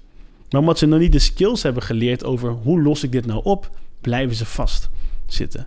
En hoe mooi is het nou als je dan jezelf de vraag stelt: hoe kan ik goed worden in het oplossen van problemen? Zowel intern, mhm. in mezelf, als extern om me heen. En dat is een skill, daar wil je tijd voor maken om te leren. Maar als je dat leert, wordt alles mogelijk. Lekker. Ik wil nog heel even, als dat in korte tijd uit te leggen is hoor, de driehoek. Uh, dus je hebt dan focus, dat hebben we net even benaderd. En, en dan de punten die ik eh, noemde. Fysiologie en taal. Ja. Kijk, taal gaat om een drietal dingen. Taal gaat om wat zeg je tegen jezelf. We, zijn, we kunnen geneigd zijn heel erg streng tegen onszelf te praten. We kunnen geneigd zijn negatief tegen onszelf te praten. En hoe je met jezelf praat, beïnvloedt hoe je je voelt. Dus een van de dingen die ik leerde is: wees eens even lief. Ja, sommige mensen zijn vaak gewoon veel te streng voor onszelf. Hm. En dat werkt vaak tegenovergestelde. Dus hoe je tegen jezelf praat bepaalt hoe je je voelt, wat je tegen jezelf zegt. De woorden die je koppelt aan een emotie bepalen hoe je jezelf voelt. Ik had een cliënt die kwam binnen, die was woest. Heel wat jaren geleden. Hij was woest. Ik keek naar hem. Ik wist wat de context was van de situatie. Zijn dochter had iets gedaan wat niet mocht. ik zei, ben je woest, woest of ben je bezorgd? en hij zei, ik ben bezorgd. En hij ontspande. Letterlijk, toen, ik, toen, toen hij dat zei. Want hij voelt de sensatie, hij labelt het met een woord. En als je dat woord eraan koppelt aan die sensatie, als het een woord is als woest, versterkt dat het gevoel. Als het een ander woord is, verzwakt het. Bijvoorbeeld, ik ben uiterst gefascineerd tegenwoordig. Ik ben niet meer boos, niet meer gefrustreerd, ik ben gefascineerd. Ik laat me door alles fascineren. We leven in een hele fascinerende tijd nu. Ik ben gefascineerd. Ik laat me uiterst fascineren. Maar het heeft mijn leven bijna echt, echt wel veranderd, denk ik, dit stuk. Vroeger werd ik gefrustreerd om dingen. Ja en boos om dingen. En nu niet meer. Als ik, ik weet nog dat ik, uh, toen ik dit leerde, was in Rotterdam en iemand kwam naar me toe in de McDonald's in Rotterdam. Een hele multiculturele stad. Kut neger en hababla oh, en noem maar op. En die begon helemaal uit te schelden. En ik was net, had ik dit geleerd in, in, de opleiding waar ik bezig was. En vroeger was dit mijn ding, want ik ben heel veel gepest vroeger. Ik ben, ik ben in de sloot gegooid, van de fiets afgetrapt. En ze noemden me altijd, uh, altijd kutneger oh, en uh, Zwarte Piet. Oh, ging mijn broertje naar de kermis toen week nog. En dan besloten alle, voor mij bleef ik volwassenen met ballenpistolen op ons te schieten. Oh. Ik heb heel veel gehuild, heel veel pijn gehad. Dus dat was mijn trigger. Als iemand mij op mijn huidskleur, uh, dan triggerde dat iets van mij. Maar ik weet nog dat ik toen daar zat en het was de eerste keer dat ik, dat ik, ik leerde dat. Het was een mooi moment om wat te ervaren. En ik keek en ik dacht, fascinerend. En dan zeg ik, tweede was interessant. Wat maakt dat jij nu in deze situatie naar mij komt? Je moet je heel erg naar voelen. Het heeft niet met mij te maken. Je hebt gewoon een slechte dag. Ja. En ik was gewoon liefdevol en ik, ik gaf hem terug wat ik zou. Ik snap, ja, ja, niet hetzelfde. En ik gaf hem nog een compliment. Mooie schoenen heb je. En ik was zo benieuwd naar wat, wat maakt hij dan mee in mijn hoofd. En daardoor kon ik ontspannen. Want ik ben niet meer bezig met oordelen. Ik ben bezig met nieuwsgierig zijn. En wanneer je het oordeel eraf haalt, wordt het in één keer heel anders fascinerend. Daar leer je door. Als nou. mijn telefoon leeg is en ik denk, oh, ik had moeten bellen. En dan zeg ik, ja, fascinerend. Ik had, ik had, ik had. Of als ik iemand invoegt en die rijdt 60 op een weg waar ik 100 moet rijden, zeg ik, fascinerend, hè?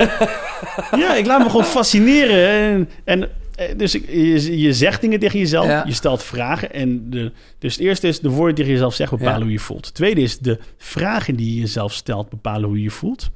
En het derde is de woorden die je koppelt aan, aan sensaties. Dus de emoties die je koppelt aan sensaties die je ervaart, bepalen hoe je je voelt in taal. Dus je hebt te leren niet beperkend te labelen, maar bevorderend te labelen. Dus wat voel je? Je bent, niet, je bent niet altijd onzeker, je voelt af en toe onzekerheid. Je bent niet... Je wil heel voorzichtig zijn met dat soort, soort labels. Tweede is, je wilt positief goede vragen aan jezelf stellen, want de vragen bepalen je focus. Als je zegt, waarom gaat het mis? Krijg je antwoorden. Je zegt, wat kan ik waarderen aan wat, wat ik hieruit heb geleerd? Ga je andere antwoorden vinden. Als je zegt, waarom kan ik niet afvallen? Of hoe kan ik... Ik stel met de vraag, hoe kan ik sporten en plezier hebben onderweg? In de plaats van, hoe kan ik gespierd zijn? Dan vind ik het Een aantal dingen vind ik gewoon leuk. Die componenten ben ik gaan zoeken, ben ik gaan toepassen in sport. Dus je wil goede vragen stellen, want vragen zijn het antwoord. Wanneer je de juiste vraag stelt, vind je de juiste antwoorden. Dat is de oplossing voor problemen waar je tegenaan loopt. Goede vragen leren stellen.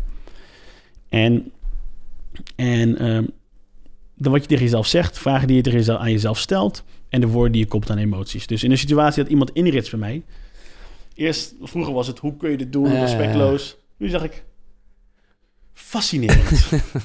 Eerste. Ja. Tweede, ik, ik, moet toch, ik word ook maar niet boos met zo'n dingen. Dus dan, dat moet veel gebeuren om mij nu boos te krijgen. Maar ik weet dat het vroeger anders was. Dus dat ik fascinerend. Tweede dat ik dacht was, misschien heeft hij een ongeluk of er gebeurt er iets thuis. En moet hij heel snel daar zijn. Of misschien is iets heel belangrijks op werk, huis, en moet hij daar zijn. Dus dat zei ik tegen mezelf. En dan voelde ik rust bij. Ik dacht, misschien is iets gebeurd. En moet hij echt wel snel, snel die kant op. Als hij inritst en hard doorrijdt bijvoorbeeld. En dan uh, was de vraag. En dan zei ik, ik hoop dat het goed komt. En dan voelde ik me anders. In de plaats dan, uh, hoe kun je, dit, hoe kun je me dit aandoen? Je bent respectloos en bedenk het maar. En dan hebben we in het, uh, de driehoek ook nog de houding, of noem je dat? Hoe, ja, hoe je lichaam gebruikt bepaalt hoe je voelt, fysiologie. Ja. Dus kijk, een van de snelste manieren om je gemoedstand te veranderen is je lichaam. Dus wanneer je je echt niet lekker voelt, dat kennen we, ga je wandeling maken, ga je sporten en je komt de deur uit van de gym als een koning of koningin. Ja. Gewoon bam, Beyoncé komt de winkel, de, de, bijna de gym uit, omdat je je zoveel beter voelt, omdat je je lichaam hebt veranderd. Mhm. Dus een van de eerste dingen die je kunt doen om je gemoedstand te veranderen, is drastisch het veranderen van je fysiologie. Ga sporten, ga rennen, ga, ga anders ademen, ga mediteren. Bedenk het maar, waardoor je, je je lichaam inzet om je gemoedstand te veranderen.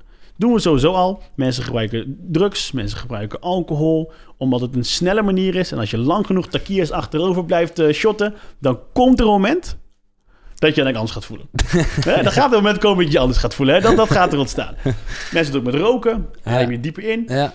Is eigenlijk uit. ook een soort uh, ja, ja, ja, ja. ademhaling en je ontspant meer. Mensen zeggen oh, even ontspannen roken. Het komt omdat je in één keer diep gaat ademen. waardoor je je anders voelt. Um, zo zijn er verschillende manieren. Andere mensen, ik, ik heb best wel mensen ontmoet in mijn opleidingen, die zijn verslaafd aan uh, masturberen of dat soort zaken. ook maar ademhaling eigenlijk. Ja, maar, adem, maar ook je doet iets fysieks en je voelt je direct anders. De mensen voelen zich niet lekker en die gaan masturberen en die voelen zich goed. Die voelen zich beter, tenminste niet goed, maar beter. Afgeleid. Afgeleid anders. Dus uh, dan uh, gebruik je een, een, zenuwstelsel daarvoor. Nou zeg niet iedereen gaat masturberen nu als je je beter wil voelen. ik zeg zoek, uh, zorg dat je je lichaam inzet. Wanneer ik mezelf verzekerd wil voelen, dan loop ik anders. Ja, dan ga je gewoon echt... Schouders naar achter, borst naar voren. En ik voel me anders. Het is een millimeter. Ja, maar dat is het. Ik, ik kan het niet vaak genoeg zeggen. En ik heb het al een paar keer gezegd in een podcast. Mensen, lach even nu. Al valt er niks om te lachen, maar doe het nep. Ja. En het werkt. Het, Is, het, is, het is, ik doe het vaak in de auto. En dan vind ik ook leuk om daar gewoon op, zonder enige reden... met een big smile uh, erin te zitten. En op een gegeven moment denk je... wat was er ook weer aan de hand? Ik weet niet, maar ik voel me ineens heel, heel te gek. Ja. Sommige mensen zeggen, ik voel me blij en daarom lach ik. Anderen zeggen, ik lach en daarom voel ik me blij. Ja, nou, dat en als je dat doet... Man, man, man. Hoop besproken en een hoop uh, nou ja, van het gereedschap al uh, gegeven. Maar ja, nogmaals, ik raad echt aan om in ieder geval die, die instapcursus te doen. En ik ben, nou ja, ik mag wel zeggen, gezegend dat, nou ja, dat jij je af en toe ook om mij wil bekommeren. Ja, tuurlijk, zeker. Ik ben als, als je het hebt over, over mediteren, en ik zeg helemaal niet dat het zo is, maar ik moest er wel gelijk aan denken. Ik dacht, oh ja, ik heb één belangrijke vraag nog niet gesteld. Althans, de vraag die ik altijd aan iedereen stel. Heb jij een ochtendroutine? Heb je een, ja, hoe ziet jouw ochtend eruit? Mijn ochtend is heel variërend. Ik was vroeger heel hard in mijn ochtenden. Ja, ja, dus okay. ik moest een bepaalde manier mijn ochtend doen. Ik moest zo dat opstaan en dan een half uur lezen. En dan moest ik bewegen. Ja. En dan moest ik nadat moest ik mijn visualisatie doen. En dan als ik dat deed, dan begon ik mijn dag perfect. En dan voelde ik me goed. En dan was ik waar, ik voelde me goed als ik dat deed. Alleen er waren ook menig dagen waar ik er meer moeite mee had. En die dagen voelde ik me, omdat ik het niet deed, voelde ik me ook gewoon slechter. Schuldig en uh, ik schoot tekort en noem maar op. Dus ik moet van mezelf niks meer in de ochtend. Ik mag van alles in de ochtend. ja, dat is een groot verschil voor mezelf nu. En als ik dan kijk naar wat is hetgeen wat ik periodes doe. ik heb het bijvoorbeeld nu de afgelopen denk ik twee maanden niet zo gedaan. Maar daarvoor heb ik het alweer zes maanden wel zo gedaan. En dan weer een periode niet. En ook een dagje soms minder of niet. Heb ik ook. Dan is het voor mij dat ik opsta. En dan ga ik, uh, begin ik met lopen buiten en visualiseren. Dus dan neem ik tijd om te denken, wat zijn mijn top 5 doelen voor dit jaar? En dan loop ik en dan zie ik het voor me, dan ervaar ik het. En dan, ik zie mezelf lopen in bepaalde plekken. Ik zie mezelf, ik heb zo'n ideale dag dan, hè, die ik uh, voor over vijf jaar wilt. En ik heb iets mijn vijf doelen voor dit jaar. Die kan je ons er een klein beetje meenemen? Wat, is, wat, wat, wat zijn jouw dromen? Wat zijn je ambities? Nou, ik heb een missie om welzijn te creëren. Ja, dat zijn ja. En mijn, mijn, als ik naar mijn dromen kijk, dan zie ik mezelf... een van mijn visualisaties dat ik in Afrika loop... en dat ik op een school, bij een school loop die ik heb gebouwd. Oh, wow. Met alle kinderen, dat we samen het sporten zijn. En dan zie ik al die kinderen met al die ballen en om me heen... en dan knuffelen en dan rennen we lol. Dat is één moment waar ik doorheen loop. Ik loop ook echt daar, hè. En dan ga ik uh, van over naar waterputten. Ik ben ook waterput aan het bouwen in India nu. En ik betaal ook school voor 100 kinderen in Oeganda nu op dit moment... die niet naar school kunnen. En dan loop ik daar een aantal filantropische dingen. Dat zie ik dan veel ja. secret voor me. Dan loop ik in mijn eigen, tenminste voor de doelen die ik had gesteld voor dit jaar, was ik loop in mijn eventcenter. Ik wil een eventcenter kopen en gaan verbouwen, sluis eventcenter. En dan zie ik daar mijn team. En dan zitten daar met echt topmensen met wie we werken aan de missie. En dan loop ik van mijn center loop ik het podium op. En zit ik daar met duizend man die, die een cursus van me volgen. Tuurlijk, ja. En hebben een meditatie die ik kan doen met hun. Echt zo'n zo'n staatveranderde ja. meditatie. En dan aan het einde zit iedereen in zo'n geweldige staat. En zeg ik, laat even horen wat je voelt. En dan komt er een geluid in die zaal van ah, duizend man voorbij. man. En dat is dan zo'n dag. Aan het einde, dan eet ik met mijn gezin samen. En ik begin mijn ochtend ook met mijn gezin in die, in die dag. En um, tenminste, als ik mijn ideale dag ja, neem, dan is het... Ik word wakker. Ik uh, visualiseer. Ik ga sporten. Ik ga ontbijten. En dan begint een bepaalde. En aan het einde dan ben ik met mijn gezin. En daarna komen er een aantal vrienden. En dat zijn allemaal hele succesvolle mensen die dan... Uh, mij langskomen. Uh, om met mij uh, een te mooi moment te hebben. Uh, Dat verschilt wie dat zijn. Nee, Eén dag is het iemand anders. Zo doe ik mijn, mijn dag. En dan als ik thuis kom, ik ben, begin ik met top drie. Altijd. Wat is mijn top drie van deze dag? Wat is het allerbelangrijkste dat ik deze dag wil afronden? En dat is ook het enige wat ik moet afronden. De rest, want ik heb altijd, vroeger maakte ik top, top, top to-do-list van 20 dingen. En dan moest ik alles doen en dat lukte bijna nooit. Dus nu heb ik een top drie. Van dingen die je moet doen of dingen die je te gek vond? Nee, dingen die ik moet doen. Ja, ja, precies. Dus ik begin wel echt met mijn... Uh, ja, als ik thuis kom, ik heb een visualisatie gedaan. Mijn dankbaarheid. Ja. Uh, ik heb periodes dat ik een half uurtje ga lezen. Ja. En periodes dat ik het niet deed. Nee. Ik moet ook toegeven dat ik de afgelopen jaren heel veel heb gewerkt. Heel hard en veel. Ja. Dus ik heb wel echt gekozen voor uh, een stukje carrière daaraan werken. Nou ja, dat is ook mooi. Ik bedoel, het, is, uh, het, heeft, ja, bedoel, het past wel bij je missie om het welzijn te delen, zolang je jezelf en je gezin maar niet voorbij loopt. Maar die, die indruk heb ik zeker niet. Maar ja, nee, zeker. Dat blijft altijd natuurlijk een beetje de game om daar tussen de, te schipperen, toch? Ja, dat is voor mij altijd wel de, de, zoektocht. Uh, ik heb ook besloten, volgend jaar gaan gewoon reizen. We gaan even een paar maanden weg. Ja. Uh, dat soort dingen. Dat is wel mooi. Hoe kijk je aan tegen de dood? Vroeger was ik er nooit bang voor. Ja, want even laat ik één, één vraag hiervoor stellen eigenlijk. Want dat, dat kan ik... Nou, daar ben ik gewoon benieuwd naar. Hoe spiritueel ben je? En de vraag is, wat is dan spiritualiteit? Ja, hè? ik, ik, ik, ik ben niet iemand die... Uh, dat, dat, het maatschappelijke beeld van spiritualiteit... Uh, daar... Uh, zo zie ik mezelf niet. Maar ik, ik, spiritualiteit is voor mij heel erg bezig zijn met het nu, bezig zijn met groei, bezig zijn met het leven. Ik stap echt in het leven. Ja. Dat is spiritualiteit voor mij. Dat betekent dat ik geloof, ik, ik heb een hogere zelf en ik heb een hogere missie in het leven. Ik heb iets te doen. En voor mij is het groeien naar datgene waarvoor ik op, denk dat ik op deze aarde ben, is elke dag spiritualiteit. Dat zijn problemen oplossen. Dat is, dat is emoties voelen. Dat is teleurgesteld zijn. Dat is successen bereiken. Dat is allemaal is onderdeel in mijn beleving van spiritualiteit. En voor mij zit het hem in het groeien naar die versie, dat leven, dat, dat groeien, dat is eigenlijk in essentie voor mij denk ik wel spiritualiteit. En dat doe ik elke dag. Dus ik vind mezelf een spiritueel persoon. Um, maar niet het spirituele. Ik ben niet, ik zit niet. Um, ik, ben ik heb weinig wierook bij ik heb, ik heb, je, hebt, je ziet geen wierook aan mijn thuis en dat soort dingen. Nee, nee, nee zijn best wel. Uh, uh, maar hoe kijk je aan tegen de dood? Vroeger zei ik altijd: prima, als ik morgen dood ga, vind ik het helemaal oké. Hoort erbij. En dat klopt ook. Ik dacht: prima, ik, heb, ik leef mijn missie. Dus ik doe elke dag waarvoor ik geloof wat ik te doen heb. Ja. Dus als ik niet dood ga, heb ik volgeleefd. Dat is wat mijn overtuiging altijd was en nog wel is. Alleen er is één ding veranderd. Ik werd papa ja. en toen wilde ik niet meer dood. Sinds ik papa ben, wil ik leven. En ik vind de dood nu spannender. Ja, ik wil, ik wil, ik, ik, mijn kinderen hadden geen, ik was niet een vader bij mij in mijn leven. Ik wil een vader zijn die aanwezig is. Ja. Ik wil een vader zijn Leef je vader nog wel? Ja, die is er wel. Ja, zeker. En het is een, lieve man, hè? dus echt uh, geen kwaad woord over hem. Um, en het is, mijn vader, zijn vader had 34 kinderen. Dus beeld je me in hoeveel aandacht mijn vader heeft gekregen. Als je het systemisch bekijkt, ik geef opleidingen, familieopstellingen doen wij en allemaal van dat soort dingen. Dus uh, uh, alleen goede, goede intenties. Dus ik, ben, ik, ben, ik kijk naar de dood, het hoort erbij. Um, en wat denk je dat er gebeurt? Gewoon toch even een beetje filosoferen. Hoe zie je dat? Uh, als je dat toch, ja. dus ik niemand weet wat de waarheid is daar. Dus ik creëer mijn waarheid. Ja. En daar geloof ik dan in. Ik heb geen religieuze voorkeur. Dus ik ben niet een christen, moslim of iets in die zin. Alhoewel ik heel veel vrienden heb die dat wel zijn. Dat vind ik fantastisch. Een mooie manier om het leven te staan. Is, het leven voor mij is een, is, een, is een reis, een les. Dus ik zie mijzelf als een ziel op deze aarde. En ik ben hier om te leren. Ik ben hier om te groeien misschien wel meer het boeddhistische, de hindoeïsme kant ga ik eigenlijk mee op. En dat ik als ik sterf, dat ik weer naar boven ga en weer terugkom met nieuwe lessen, nieuwe inzichten. En zo als ziel constant groeien. Dat ik hier misschien al wel honderd keer ben geweest, of misschien wel duizend keer ben geweest. Dat, dat, dat is een gedachtegoed waar ik rust in vind. Ja, ik vind het mooi, en of het waar is, Whatever, ja. mag het weten.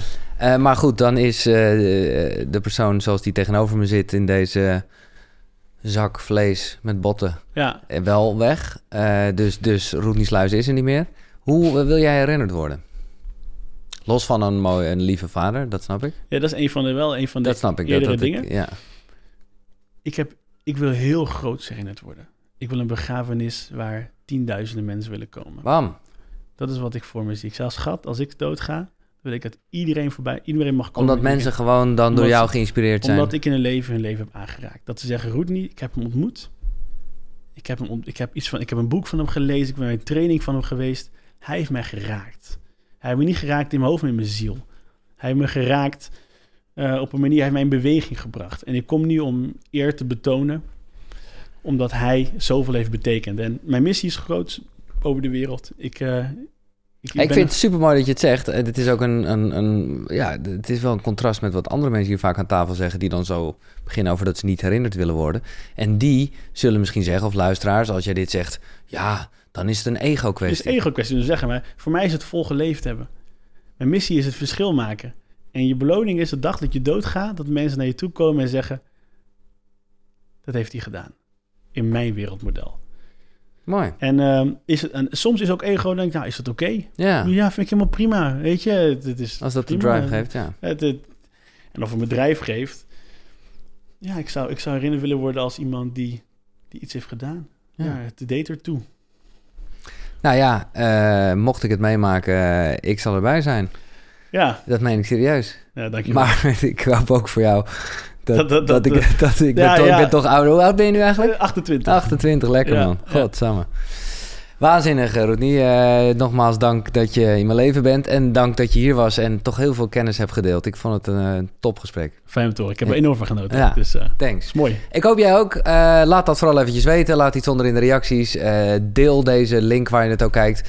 recensies op iTunes. Daar mogen we weer even wat bij. ik luister ook niet via iTunes, maar ik weet dat mensen wel doen. Spotify kan je leuk delen op Instagram. Tag me vooral. Giels, G-I-E-L-S.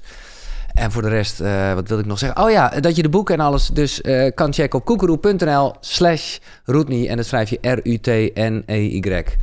Dus uh, ja, je zou zeggen Rutney, maar zo spreek je dus niet uit. Dus, ja.